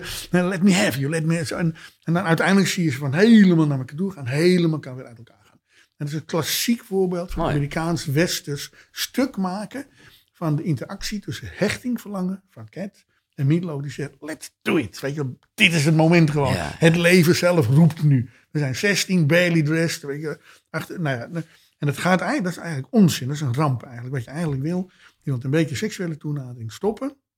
Wat hechtingsreactie Ja. stoppen. En dat en dan... En dan ga je, ga je kussen en dan stop je en dan krijg je hechtingsreactie. We gaan, weet je wel. En dat moet ook sociaal gebeuren. En vroeger was dat heel normaal, maar door die pornografisering, door dat grensoverschrijdende, is het nu boom, Ja. meteen seks geworden. Ja. En dat meteen seks gaan, dat maakt die hechting stuk. Ja. En dat maakt dus ook dat mannen die hechting niet ontwikkelen. Nee. En als je die hechting niet ontwikkelt, word je ook bang voor hechting. Ja. Nee, oké, maar dat was eigenlijk mijn volgende vraag. En ik snap dat dat niet eh, met, eh, met een paar stappen misschien zo gezegd kan worden. Maar hoe, ja, hoe train je dat je beter wordt in hechten? Zeven sluiers. Ja, Ik bedoel, je hebt nu twee boeken liggen, maar ik heb ook een boek geschreven over de zeven sluiers. Kun je ook gewoon Oké. eh, googlen en vinden. En, en er wordt, het, is gewoon, het is gewoon een stap voor stap. Er wordt gewoon uitgelegd, eerst dit, dan dat. En als je dat en dat gedacht, dan... Als er dan maar kunnen we zonder dat we het, kunnen we even de zeven stappen doorlopen? Ja, nou, het eerste is eh, zeg maar gewoon eh kusje op de wang, zeg Ja. maar. En het tweede is zoenen. Hm, En de derde is zeg maar een beetje vrij met kleren aan. Ja, En het vierde is dat je met kleren aan de handen onder de kleren. maar ik hoor alleen nog maar onderkant nu. Ja, het is allemaal bekken. Maar Ja. overal zit dus een stop op van de vrouw. Ja, ja, dus dus de, de vrouw moet steeds ja zeggen. Van, nou, we En hebben dan, ja, ja. En dat kan soms, ben je gewoon drie weken lang ben je alleen aan Ja. Geen sprake van dat je met elkaar naar bed gaat. Nee, En dat kan ook bij sommige vrouwen, is het zes maanden. ja. Zeg maar. En dan ontstaat die, en dus een man die dat ondergaat, die bouwt hechting. Dus dat is hechting. En die hechting gaat in zeven stappen. En die intimiteitsbeleving, want die vrouwen willen wel vrij, maar ze willen veilig vrij. Ja, En mannen willen wel hechting, maar ze willen veilig hechting. Dit is het. En, eh, want het is, het is allemaal in de war bij ons. En, en dan kom je weer bij die veiligheid, wat ik in het begin van het gesprek zei. Veiligheid, daar gaat het om. Allemaal om veiligheid. Ja. Grensoverschrijdend gedrag is het tegenovergestelde van veiligheid. Ja. En, en die zeven sluiers zijn eigenlijk een hele oude, wijze techniek om vanuit veiligheid je relatie vorm te geven en te ontdekken wanneer het nee ook nee is. Een heleboel. kan ook gebeuren dat je bij vierde sluier zegt, wacht eens even, nee. Dat is ho- honderd keer beter om je vierde sluier nee te zeggen dan eh, s ochtends wakker te worden met het gevoel, ik, ik, nu weer in mijn bed liggen. Ja. Dus dat is allemaal, eh, het kan allemaal rijper en veiliger en, en liefdevoller voor elkaar. Tijd geven, omdat we allemaal honger hebben naar dopamine, hebben we, nemen we de tijd niet meer voor elkaar. en het moet serotonine zijn. Eh een van de rituelen in dit eh, gesprek is altijd... heb je een ochtendroutine, een ochtendritueel? Hoe wordt Reinoud Eleveld wakker? Ehm, ja, dat verschilt een beetje. Door de jaren heen heb ik verschillende ochtendroutines gehad. Omdat eh, een, elk ochtendritueel doe je een aantal jaar. Ja, ja, ja. Dus het is niet de bedoeling dat je hele leven hetzelfde ritueel doet. Want dan wordt het een gewoonte. ja. En de gewoonte wordt weer gezien als schadelijk. Dus je bouwt letterlijk routines. En routines zijn alleen maar goed zolang ze constructief zijn. En als ze hun eh, effect gehad hebben, dan dump je ze meteen. Dan Ja, maar anders kunnen maken. toch wel routines. Ze kunnen toch wel. Nou ja, tandenpoetsen is een beetje een flauw voorbeeld. Maar ik denk dat als jij je leven lang volhoudt dat je op zijn minst. Kijk, wat, vijf wat ik nu zit. train, ik, ik train op dit moment multifasie slapen. Voor de duidelijkheid. En multi, wij, tra- wij slapen in onze cultuur monofasies. Ja, En s- open oma of in, in, in, eh, bij de Middellandse Zee doen ze nog siesta's. Dat is duofasies, twee fasen. Maar eigenlijk dieren slapen multifasies. Dus hebben de hele gewoon, tijd ja, kijk met de poesen, weet, Ja, je, wel, ja, ja. weet je wel, af en toe zijn ze echt dat ben weg. doen. Ja, wij, wij mensen deden, wij sliepen ook multifasies. eh, mensen, mensen zijn eigenlijk ook... Even men- twee uurtjes s'nachts wakker, hè? ja, en, eh, en dus als je zegt, wanneer wordt Reinoud wakker? Ik word eigenlijk rond drie uur wakker. En dan sta ik een half uur op en dan train ik. Eh, dat trainen is, dan mediteer ik, zou je kunnen Ja. zeggen. Maar mediteren heb je misschien verkeerde ideeën bij. Maar dat doe ik staand. Hè. Ik, ik, ik, ik sta in een soort houding. En kijk, als je ligt, eh, ligt en dan zit je meer in eh moeder aarde energie. Mhm. Je, je ligt eigenlijk in de armen van moeder aarde als je slaapt. En als je staat, dan sta je eigenlijk meer in de zuil van zonlicht. Zeg maar zo. Dat is weer dat yin-yang eigenlijk. En als je langer dan vijf uur geslapen hebt, dan heb je eigenlijk de recuperatie goed. En dan komt eigenlijk de tweede fase, de, de, de droomfase. Als je dan niet eerst jezelf even laat met sterrenlicht, dan worden die dromen heel vaag. Dus dan sta jij buiten.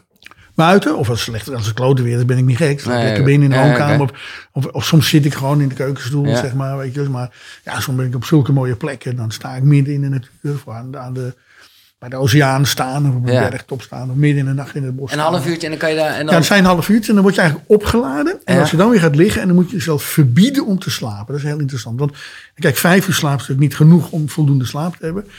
Eh, maar je gaat zo poezelig mogelijk in bed liggen. Dus echt gaat helemaal in die matras liggen. En zo helemaal... ja, ja. Bij mij heb je nog je En beertjes dan- erbij en je lapjes erbij. Ik wil niet dus dat je hele lijf zegt, we gaan slapen. En dan zegt, maar je mag niet slapen. Je mag niet slapen. En dan, dan kom je in het zogenaamde verdromen. En dan kun je nog bepaalde oefeningen doen terwijl je dat doet. Maar dan glij je eigenlijk in de droom, zeg maar. En vanaf dat moment explodeert eigenlijk je droombewustzijn. Dus dat is op dit moment mijn... Hoe wordt wakker? En als je na het eh, droomgedeelte. Ja, dan, als, je- als dat goed lukt, want het lukt Vaak nooit om wakker te blijven. Nee, exact, Want je valt in slaap, maar je krijgt waanzinnige dromen dan. En die dromen, da, da- daar moet je nog even noteren of opschrijven. Ja. Daar- besteed je nog wat aandacht aan. En dan maak ik een super ge- gezond eh, ontbijt eigenlijk. Dat heb ik al heel lang eh, door. Is echt, Namelijk? nou ja, een soort muesli van, ja. van, van rijstmelk. Maar alle, alle- weet ik wat, gewoon iets van twaalf verschillende bestanddelen. Het een nog gezonder dan het ander, zeg maar. En ehm dat doe ik met een kop thee. Dus ik eh, ben eigenlijk koffie- en alcoholvrij. Dus ook koffie heb ik niet nodig. 's ochtends. Nou ja, dan, eh, dan kijk ik naar mijn agenda en die explodeert dan in mijn gezicht. Zeg Ja. maar. Eh, Gewoon dan. eh, maar dus ik, mijn eigen, mijn echte ochtendritueel begint dus eigenlijk rond drie uur. En dat is dan zo rond acht, zeg maar, dan begint voor mij acht, acht uur dertig, soms negen uur. Dan zeg ik, Ja. nou nu gaan we de agenda opentrekken. Vet.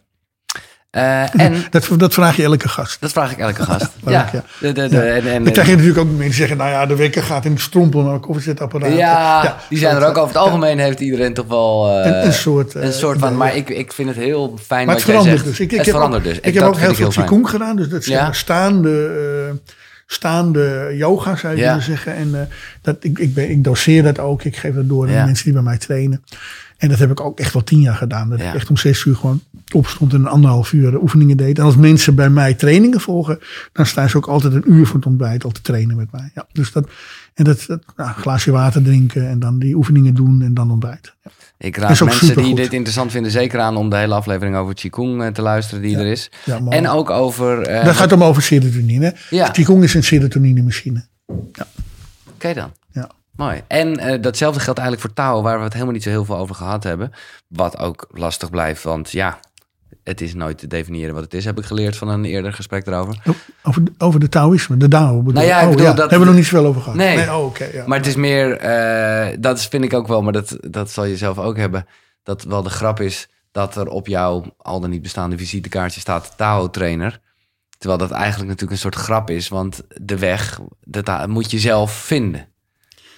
Ja, dat is ook nog een beetje grappig. Kijk, het probleem met het Taoïsme een beetje dat in alle boeken staat eh, de leraar die, eh, die beweert dat hij kan uitleggen wat de Tao is, hoed je voor zo'n leraar. Ja, En dan exact. sta je een beetje schakmat als leraar. En dan denk ik van, oh, alles wat ik over zeg, dan ben ik een charlatan.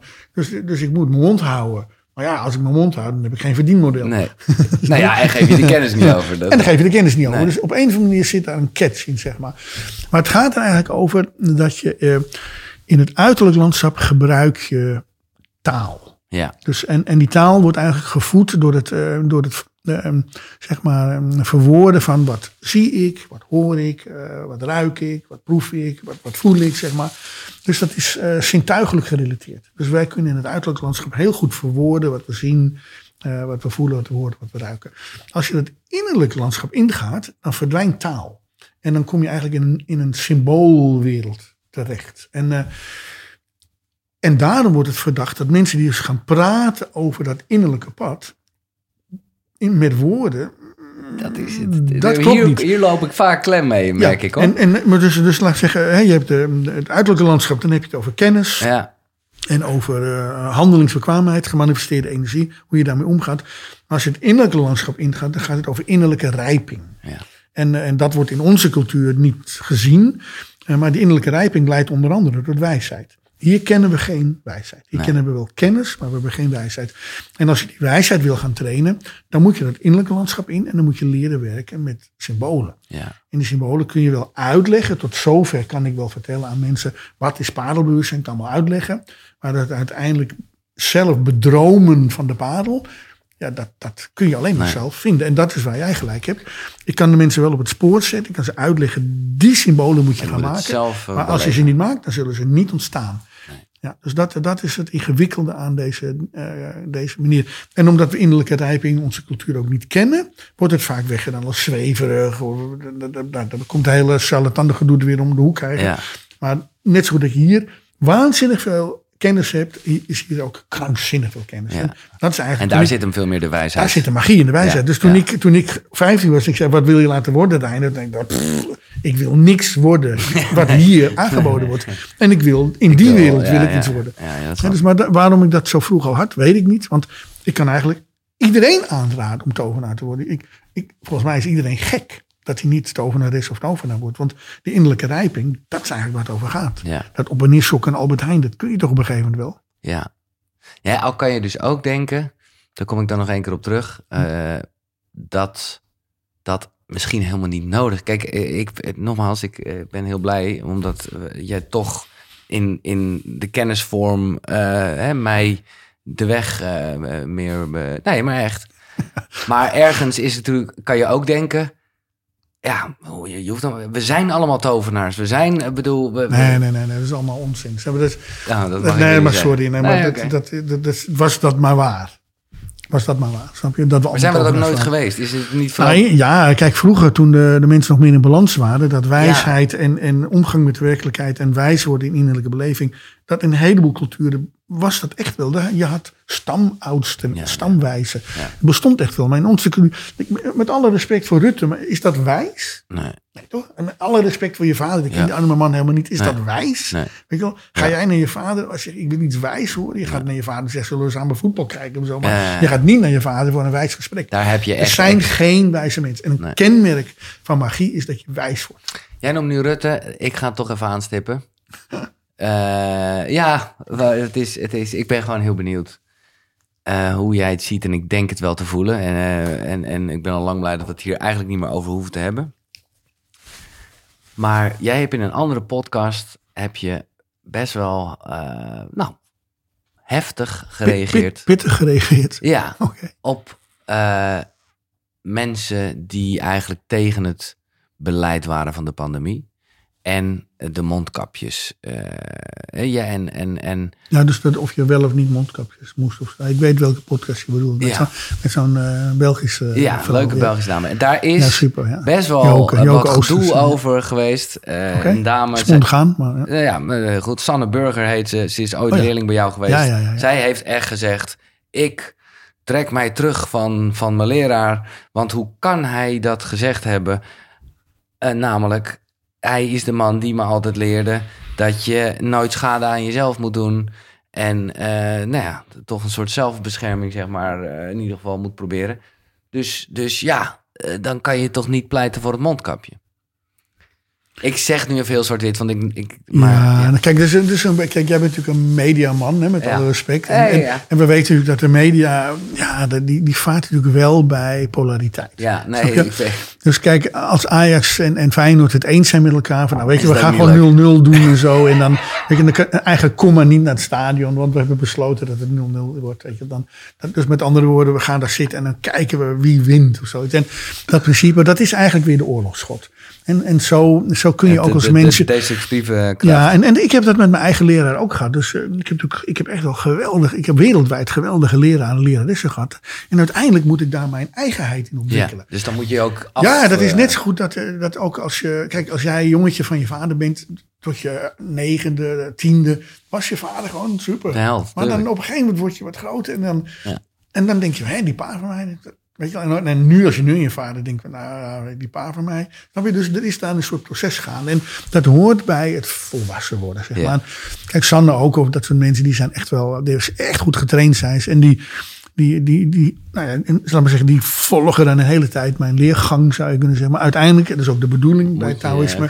Het is anders dan goeroes, zeg maar. Op een gegeven moment zeggen, nou, nu, nu uit het nest. Ja. En ga nu je eigen eigenheid ontwikkelen.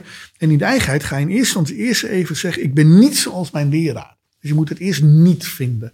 En dan uiteindelijk, als je daar bent, dan ben je los. En dat was wat daar, wat daar gaande is. En dan moet je dan zelf gaan zoeken waar zit dan de wijsheid. En als je die wijsheid helemaal vindt, dan zie je dat het vaak ook weer herstelt. Zeg maar. Dus, vind eh, het mooi gezegd, maar snap je ook wat ze zegt? Dat het voor haar een, een, een soort conflict eh, in haar hoofd oplevert, dat dat niet past. Nou, ik, ik denk dat ik beter snap dan Sanne zelf wat daar, eh, wat, daar- wat daar gebeurde, zeg maar. Ehm, maar los daarvan, je volgt altijd je eigen wildenkendheid. Snap je? Dus, dus ik volg mijn eigen wildenkendheid. En als iemand anders een ander spoor volgt, dan is dat... Ik vind het om te beginnen heel goed dat ze dat doet. Snap je? Dat zij een eigenzinnig spoor volgt. Ja. En ook dat helemaal tot in het extreme doorontwikkelt en door uitredeneert. Ben ik helemaal mee eens. Maar ik zie andere dingen. Ik hou rekening met andere zaken. Ik, ik, eh, ik, het- de manier hoe je het met het grotere geheel omgaat is voor mij anders dan hoe Sanne dat doet. Voor mij staat het grotere geheel helemaal vooraan. Ja. Dus ik ben, ik ben wat Ja, bereid precies. om wat zorgvuldiger of wat terughoudender te reageren. Of je nou wel of niet mondkapjes op moet doen, zeg maar. Dus En ik, ik zit gewoon. Ik, wat Ik mij vond het ook een leuk verfrissend beeld hoor, laat ik dat eerlijk nou, het viel zeggen. me gewoon op dat er een on- ontzettend spanningsveld ging over wel of niet mondkapjes dagen. Ik denk, wat de fuck, de planeet brandt en dan zitten we te praten over mondkapjes. Dat Ja. irriteert me dan. Ja, dan, dan maakt het niet uit of het helpt Nee. of niet. Ja. Ga gewoon. En dat, dat voor- vind ik ook, voor- dat vind ik van corona in zich heel. De hele corona heb ik volledig genegeerd. Ja. Op dit moment zitten we met global warming. Zit, de hele planeet zit op te blazen. Gaan we over een griepje praten met elkaar twee jaar lang. En nou is dat griepje voorbij en dan gaan we weer dat in Oekraïne is weer iets aan de hand. Zo is er altijd wat. Ik kan Ja. je nu vertellen. Straks hebben, hebben de Russen en, en de Oekraïners hebben een vredeakkoord. Hebben, en dan zul je zien onmiddellijk het volgende ellende verhaal. Ja, maar even voor de goede orde. Daarom, eh, maar ik, eh, daarom was het op zijn minst opvallend te noemen dat jij juist, en ik, ik voel je wel vanuit het grotere geheel, maar zoiets had van, jij zei letterlijk, mensen die geen mondkapje, als ik mensen die geen mondkapje heb, dan vind ik het onveilig. Ja, je was op dat moment een beetje aan het polariseren. Maar Ja, kijk, de, die mondkapjes die zijn ehm, al veel langer in, in zoen. Hè. De, die Japanners die langskwamen bij ons in Europa, die hadden die mondkapjes al op. Die zijn al eerder tegen die overbevolkte besmettingshaarden aangelopen. Dus dat probleem is al veel ouder dan wat wij nu in het Westen meemaken. Maar het is wel een beetje aantoonbaar dat als jij besmettelijk bent, je hebt een, een mondkapje, dat je, die, eh, dat je een licht Vertraging. ja. vertraging inbouwt, een lichte vertraging op besmettelijkheid. En ik heb zelf, mijn moeder is 93 en, eh, en ik heb een partner met hartfalen, dus die, eh, die allebei echt wel bij de categorie niet ernstig ziek worden horen, want dan wordt het gevaarlijk. Dus ik dacht van, nou ja, nou die mondkapjes opeens zo'n toestand te maken, Probeer waarom, wat de fuck, Ja, waarom zouden we zo moeilijk doen? Snap je? Dus ik, ik heb een heel andere urgentie Ja. en, eh, en daar hou ik dan aan, klaar. En maar de, de, de neiging is dan om mij en Sanne tegenover elkaar te Nee, zetten. Maar ik, bedoel, ik, ik heb eh, Sanne vorige week nog gezien en geloof me, wij kunnen het heerlijk met elkaar vinden. Ik ben blij dat te horen. En ik ben ook heel blij dat je me een beetje op mijn plaats eh, zet. Als het gaat omdat ik hier toch ineens de mediaman ben. Terwijl normaal gesproken aan tafel dat niet. Maar ja, goed, we hadden het ook over de voice gehad. Dus ineens komen werelden samen. Ja, maar dat is niet erg. Ik, Nee. bedoel, ik, ik zoek de media in die zin ook wel een beetje op, zeg maar. Omdat ik, eh, ik heb... Ik heb urgentie op mijn boodschap. En Ja. ik kan in mijn eentje dan ergens op zo'n berg gaan roepen van ah, iedereen moet meetrainen. Maar ik moet naar de mensen toe. Ja, Dus eh, dat, dat ben Ja. ik nu aan het doen. top. Ja, laatste punt eh, is dat ik ook altijd vraag aan de gasten... welke drie boeken in zijn of haar reis van belang zijn geweest. Ja, dat is een leuk. Ja. Nou, de eerste is misschien heel verrassend. Ehm, dat zijn de ogen van de overwereld van Jack Vance. Oké, Jack Vance is een, eh, een eh, science fiction en science fiction fantasy schrijver. En dat is zonder enige twijfel mijn favoriete. wanneer las je het? Nou, eigenlijk mijn hele leven. al. Ja, Dus, maar precies. Dus ik dit denk is dat ik begonnen je- ben op mijn vijftiende. Ja, daar komt en, en ik heb zijn hele oeuvre. En, en ik haal nog steeds met alle plezier een van zijn boeken weer uit de kast en lees het nog een keer. Maar eh, en, en het, ik En zeg het is, het is science fiction, maar tegelijkertijd... Er ik zit, heel veel, er zit heel veel romantisch, Ja, ja, ja. eh, surrealistische magie in. En, en, maar dit boek, De Ogen van de Overwereld, dat gaat eigenlijk... Het is een schelmenroman. En ik was toen ik klein was echt wel een beetje een boefje. Hè, dus ik was... weet je wel, eh, Mhm. Ik, ik nam het allemaal een beetje makkelijk, zeg maar. En, eh, en, en, maar in dat boek, eh, dat, dat ging over mij eigenlijk. Dus Hmm. de, daar heb ik heel veel aan gehad. Om mezelf toe te staan om tovenaar te mogen Ja. Snap je? Dus, het goed, ja. dus het is gewoon een, het is, het is eh, science fiction. Ja. En eh, nou, nou, dat heeft mij, eh, dat, als je dat zou lezen, als je nieuwsgierig bent naar Reinoud, wat Reinoud gevormd heeft, dan heeft dat boek of die boeken van die schrijver ontzettend veel met mij Leuk. gedaan, zeg maar. Ja. Oké, Nou, de tweede is eh, de, de Toltec Path van Ken Eagle Feather. De Toltec Path, het Toltecse pad. Dus niet het Taoïstische pad, maar het Toltecse pad. gaat over Mexicaanse magie. ja. En dat is een boek, Ken Eagle Feather. dat zijn, niet zijn geboortenaam denk ik, maar zoals hij bekend geworden. En dat boek is eigenlijk, klinkt een beetje raar, is, een, is helemaal geen ehm, leesboek of geen roman of geen verhaal over tovenaars. Maar het is bijna een soort opsomming van tovenaarstechnieken. Ja, een soort encyclopedie. Ja, een handboek Een of zo. handboek, Het is ja, een ja, handboek. ja. En, eh, en, en eh, alles wat in dat boek stond, dat resoneerde met de Ring of Truth met mij. Dus ik had van, kijk, er zijn gewoon mensen die, die dat spoor kennen.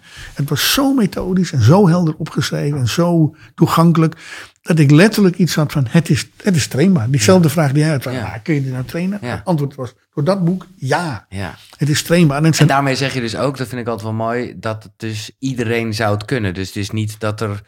eh, En er, zijn, er zullen mensen heel goed in getraind zijn, maar het is, het is, kan iedereen tovenaar worden? Dat Ja, iedereen kan tovenaar worden. En iedereen die geen tovenaar wordt, doet zichzelf ernstig tekort. Zo simpel is het eigenlijk. Ja. Dus dat, maar dat, dat is wel een omkering. Ja, ja, maar na vijf, vroeger dacht ik, ben lekker de enigste en eh, de rest zoekt er maar uit. Maar nu denk ik, dat kan helemaal niet, de rest zoekt er maar uit. Want de rest is de planeet aan het slopen.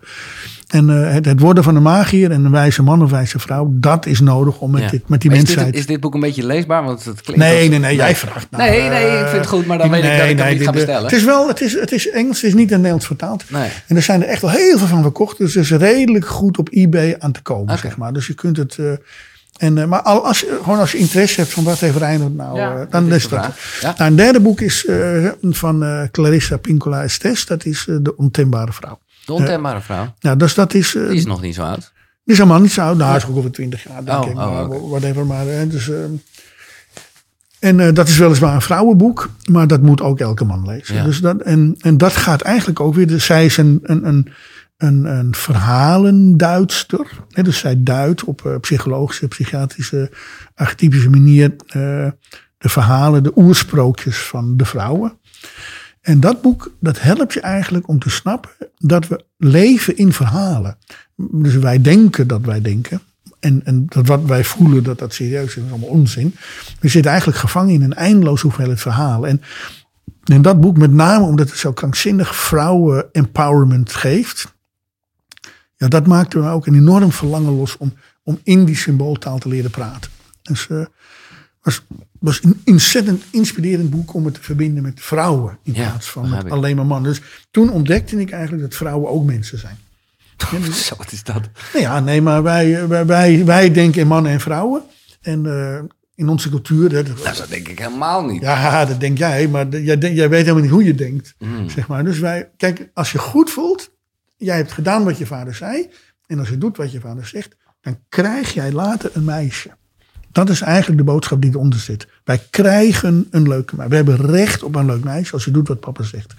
En eh, eigenlijk worden vrouwen aan ons weggegeven. En vrouwen die leren, als ze heel klein zijn, nou, doe nou maar gewoon braaf je best, doe wat mama en oma zeggen. Dan komt er een man die jou meeneemt. Dat is letterlijk, als je het over verhalen We zitten allemaal in dat verhaal. we zitten allemaal in dat verhaal. Ja. Ja? En, het, en het is zeer de vraag of je een ander mens mag krijgen. Of dat je een ander mens jou mag meenemen. Dat kan alleen maar omdat je vrouw en man bent. Zodra je ontdekt dat mensen mensen zijn, dan heb je het over wachten zeven, die slavernij. Ja, ja, ja. Dus Maar zitten we dan in een hele goede tijd, vind jij? Want dat zijn Nee. allemaal wel... Nee, oh. Nee, want wat, nee, maar ik bedoel te zeggen, ja, dit soort verhalen, dit soort sprookjes, noem ik het maar even, die zijn toch wel ontzettend aan het wankelen. Nou, maar het is een goede tijd. Dat is, laat ik het zo zeggen, we zitten in een krankzinnig eh, tijdsgewricht. Ja. En het is een. Ik bedoel, er is heel veel kennis beschikbaar nu. Alle mysterieboeken gaan open. Vroeger waren al die mysterieboeken geheim en wij kon helemaal niet Ja. bijkomen. Alle mysterieboeken kun je nu vinden. Maar dat komt ook omdat we ook echt alle hens aan dek moeten doen. Dit, alle mysteriescholen begrijpen nu van, oh, moet boeken geheim houden, is allemaal onzin. We moeten wijze mensen maken. ja, ja.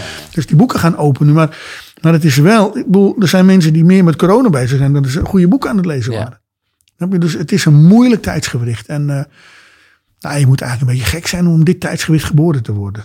Het is echt een, het is echt een intense tijd. En eh, ja, ik geniet er enorm van. Ja, dat maar, net zeggen. maar het is niet makkelijk. Nee. mensen die nu jong zijn Nee, en dan in die smartphoneverslaving Ja, zitten en ja, daar eh, nog iets van moeten maken, is echt niet makkelijk. Daar heb ik wel een beetje mee te doen. Ja.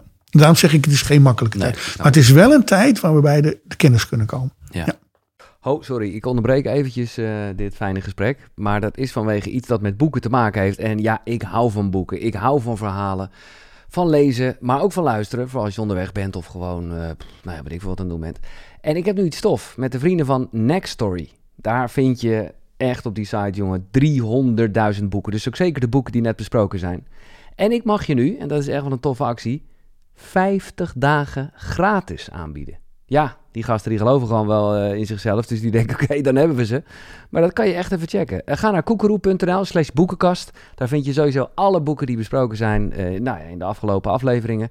En daar vind je dus ook een link. En via die link kan je 50 dagen gratis Nextory gebruiken. Check het. koekeroe.nl slash boekenkast. Ja, ik hoop echt op een deel 2 uit uh, Reinoud, want ik wil nog veel dingen bespreken. Maar ik wil toch beginnen met de dood. De, eh, ja, ik weet het wel een beetje, maar hoe kijk je aan tegen de dood?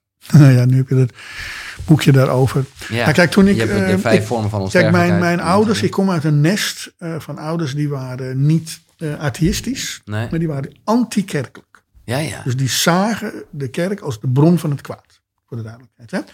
En, ze hadden enorm het humanisme omarmd. Hè? Dus het, het kunnen van de mens centraal stellen in hun beleving. Waren actief in het vroege humanisme van, van, van eh, nou, Amstelveen. Ja. Amsterdam Nou, ik snap wel een beetje waar jij vandaan komt dan. En maar eh, begon. allemaal leuk en aardig, snap Ja. je? En, eh, maar er was van alles, alles aan de gang natuurlijk tussen mijn ouders... wat niet helemaal goed ging.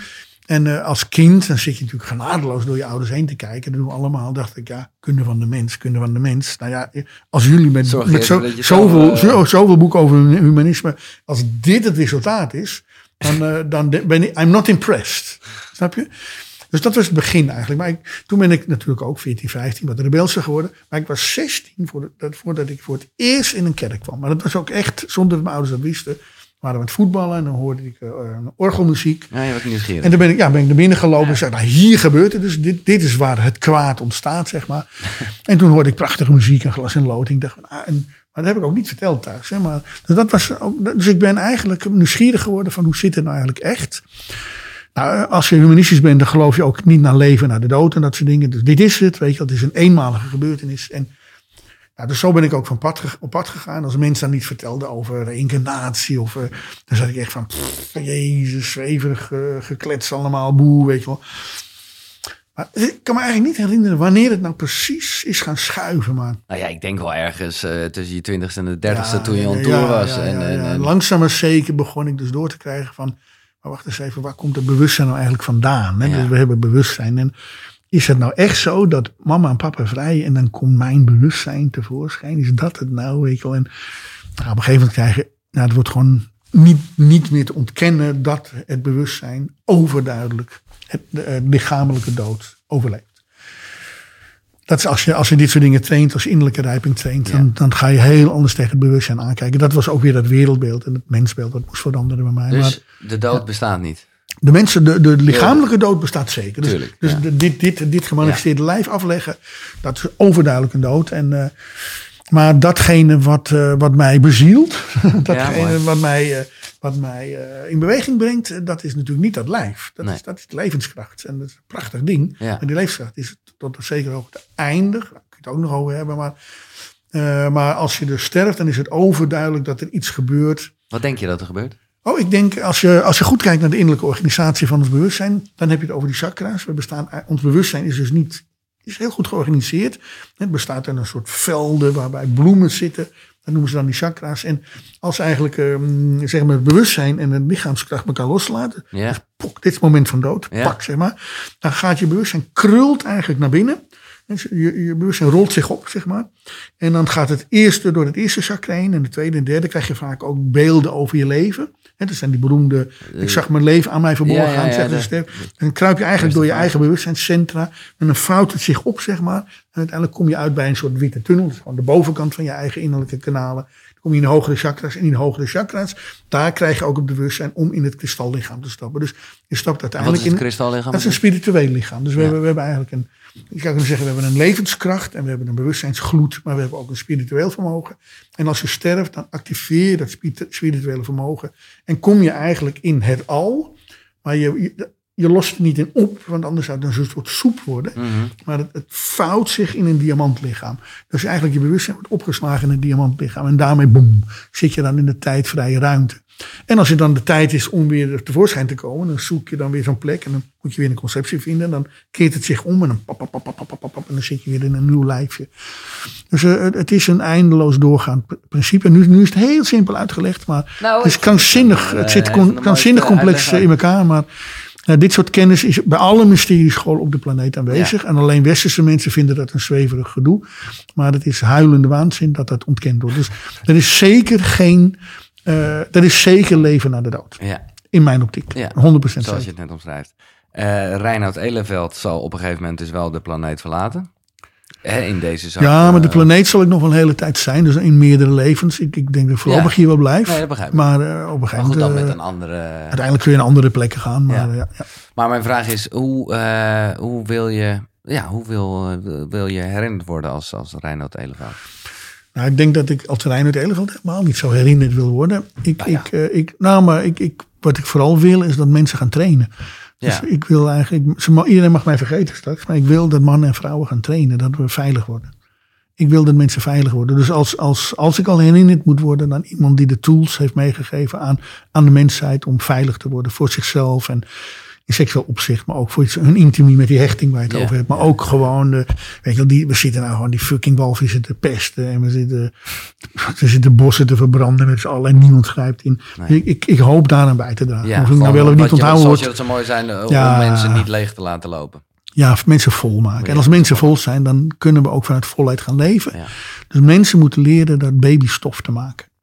Dat, ik hoop dat ze dat, eh, als, als nou ja, Ja. whatever. Ik moet zeggen, la- laat ik daar toch nog even op terugkomen, want jij zegt het nu weer. Ik ga je toch een geboortekaartje sturen als ik eh, niet aan je adviezen geluisterd heb. En toch wat babystof eruit heb laten gaan. Ja, wat ik al zei. Ik gun je alle ongeluk Dat van de wereld. ook wel, ja, nee. Eh, Dankjewel Reinhard voor dit Ja. zeer inspirerende gesprek. En eh, ik zeg het nog één keer, eh, want al is het alleen maar omdat ik op weg naar wijsheid heb je me net gegeven. Nou, Ja. eh, de vijf vormen van bewustzijn, we hebben het er niet over gehad. Dat gaan we nog doen, wat mij betreft dit jaar. Ja, oké. Nou, dank je. Ja, Wat mij betreft oké. Top. Eh, jij bedankt voor het kijken en luisteren. Ik, eh, ik, ik weet eigenlijk niet of deze veel te mannelijk was, maar ik denk dat het eh, voor iedereen wel interessant was. Ja, maakt me eigenlijk geen reet uit. Ik, ik- ja. Ja, nou ja. Ja, Eh, ik vond het leuk in ieder geval. En als je het ook leuk vond, dan kan je hem delen. Je kan eh, sterretjes geven bij eh, Spotify en iTunes. Je kan reacties onderlaten.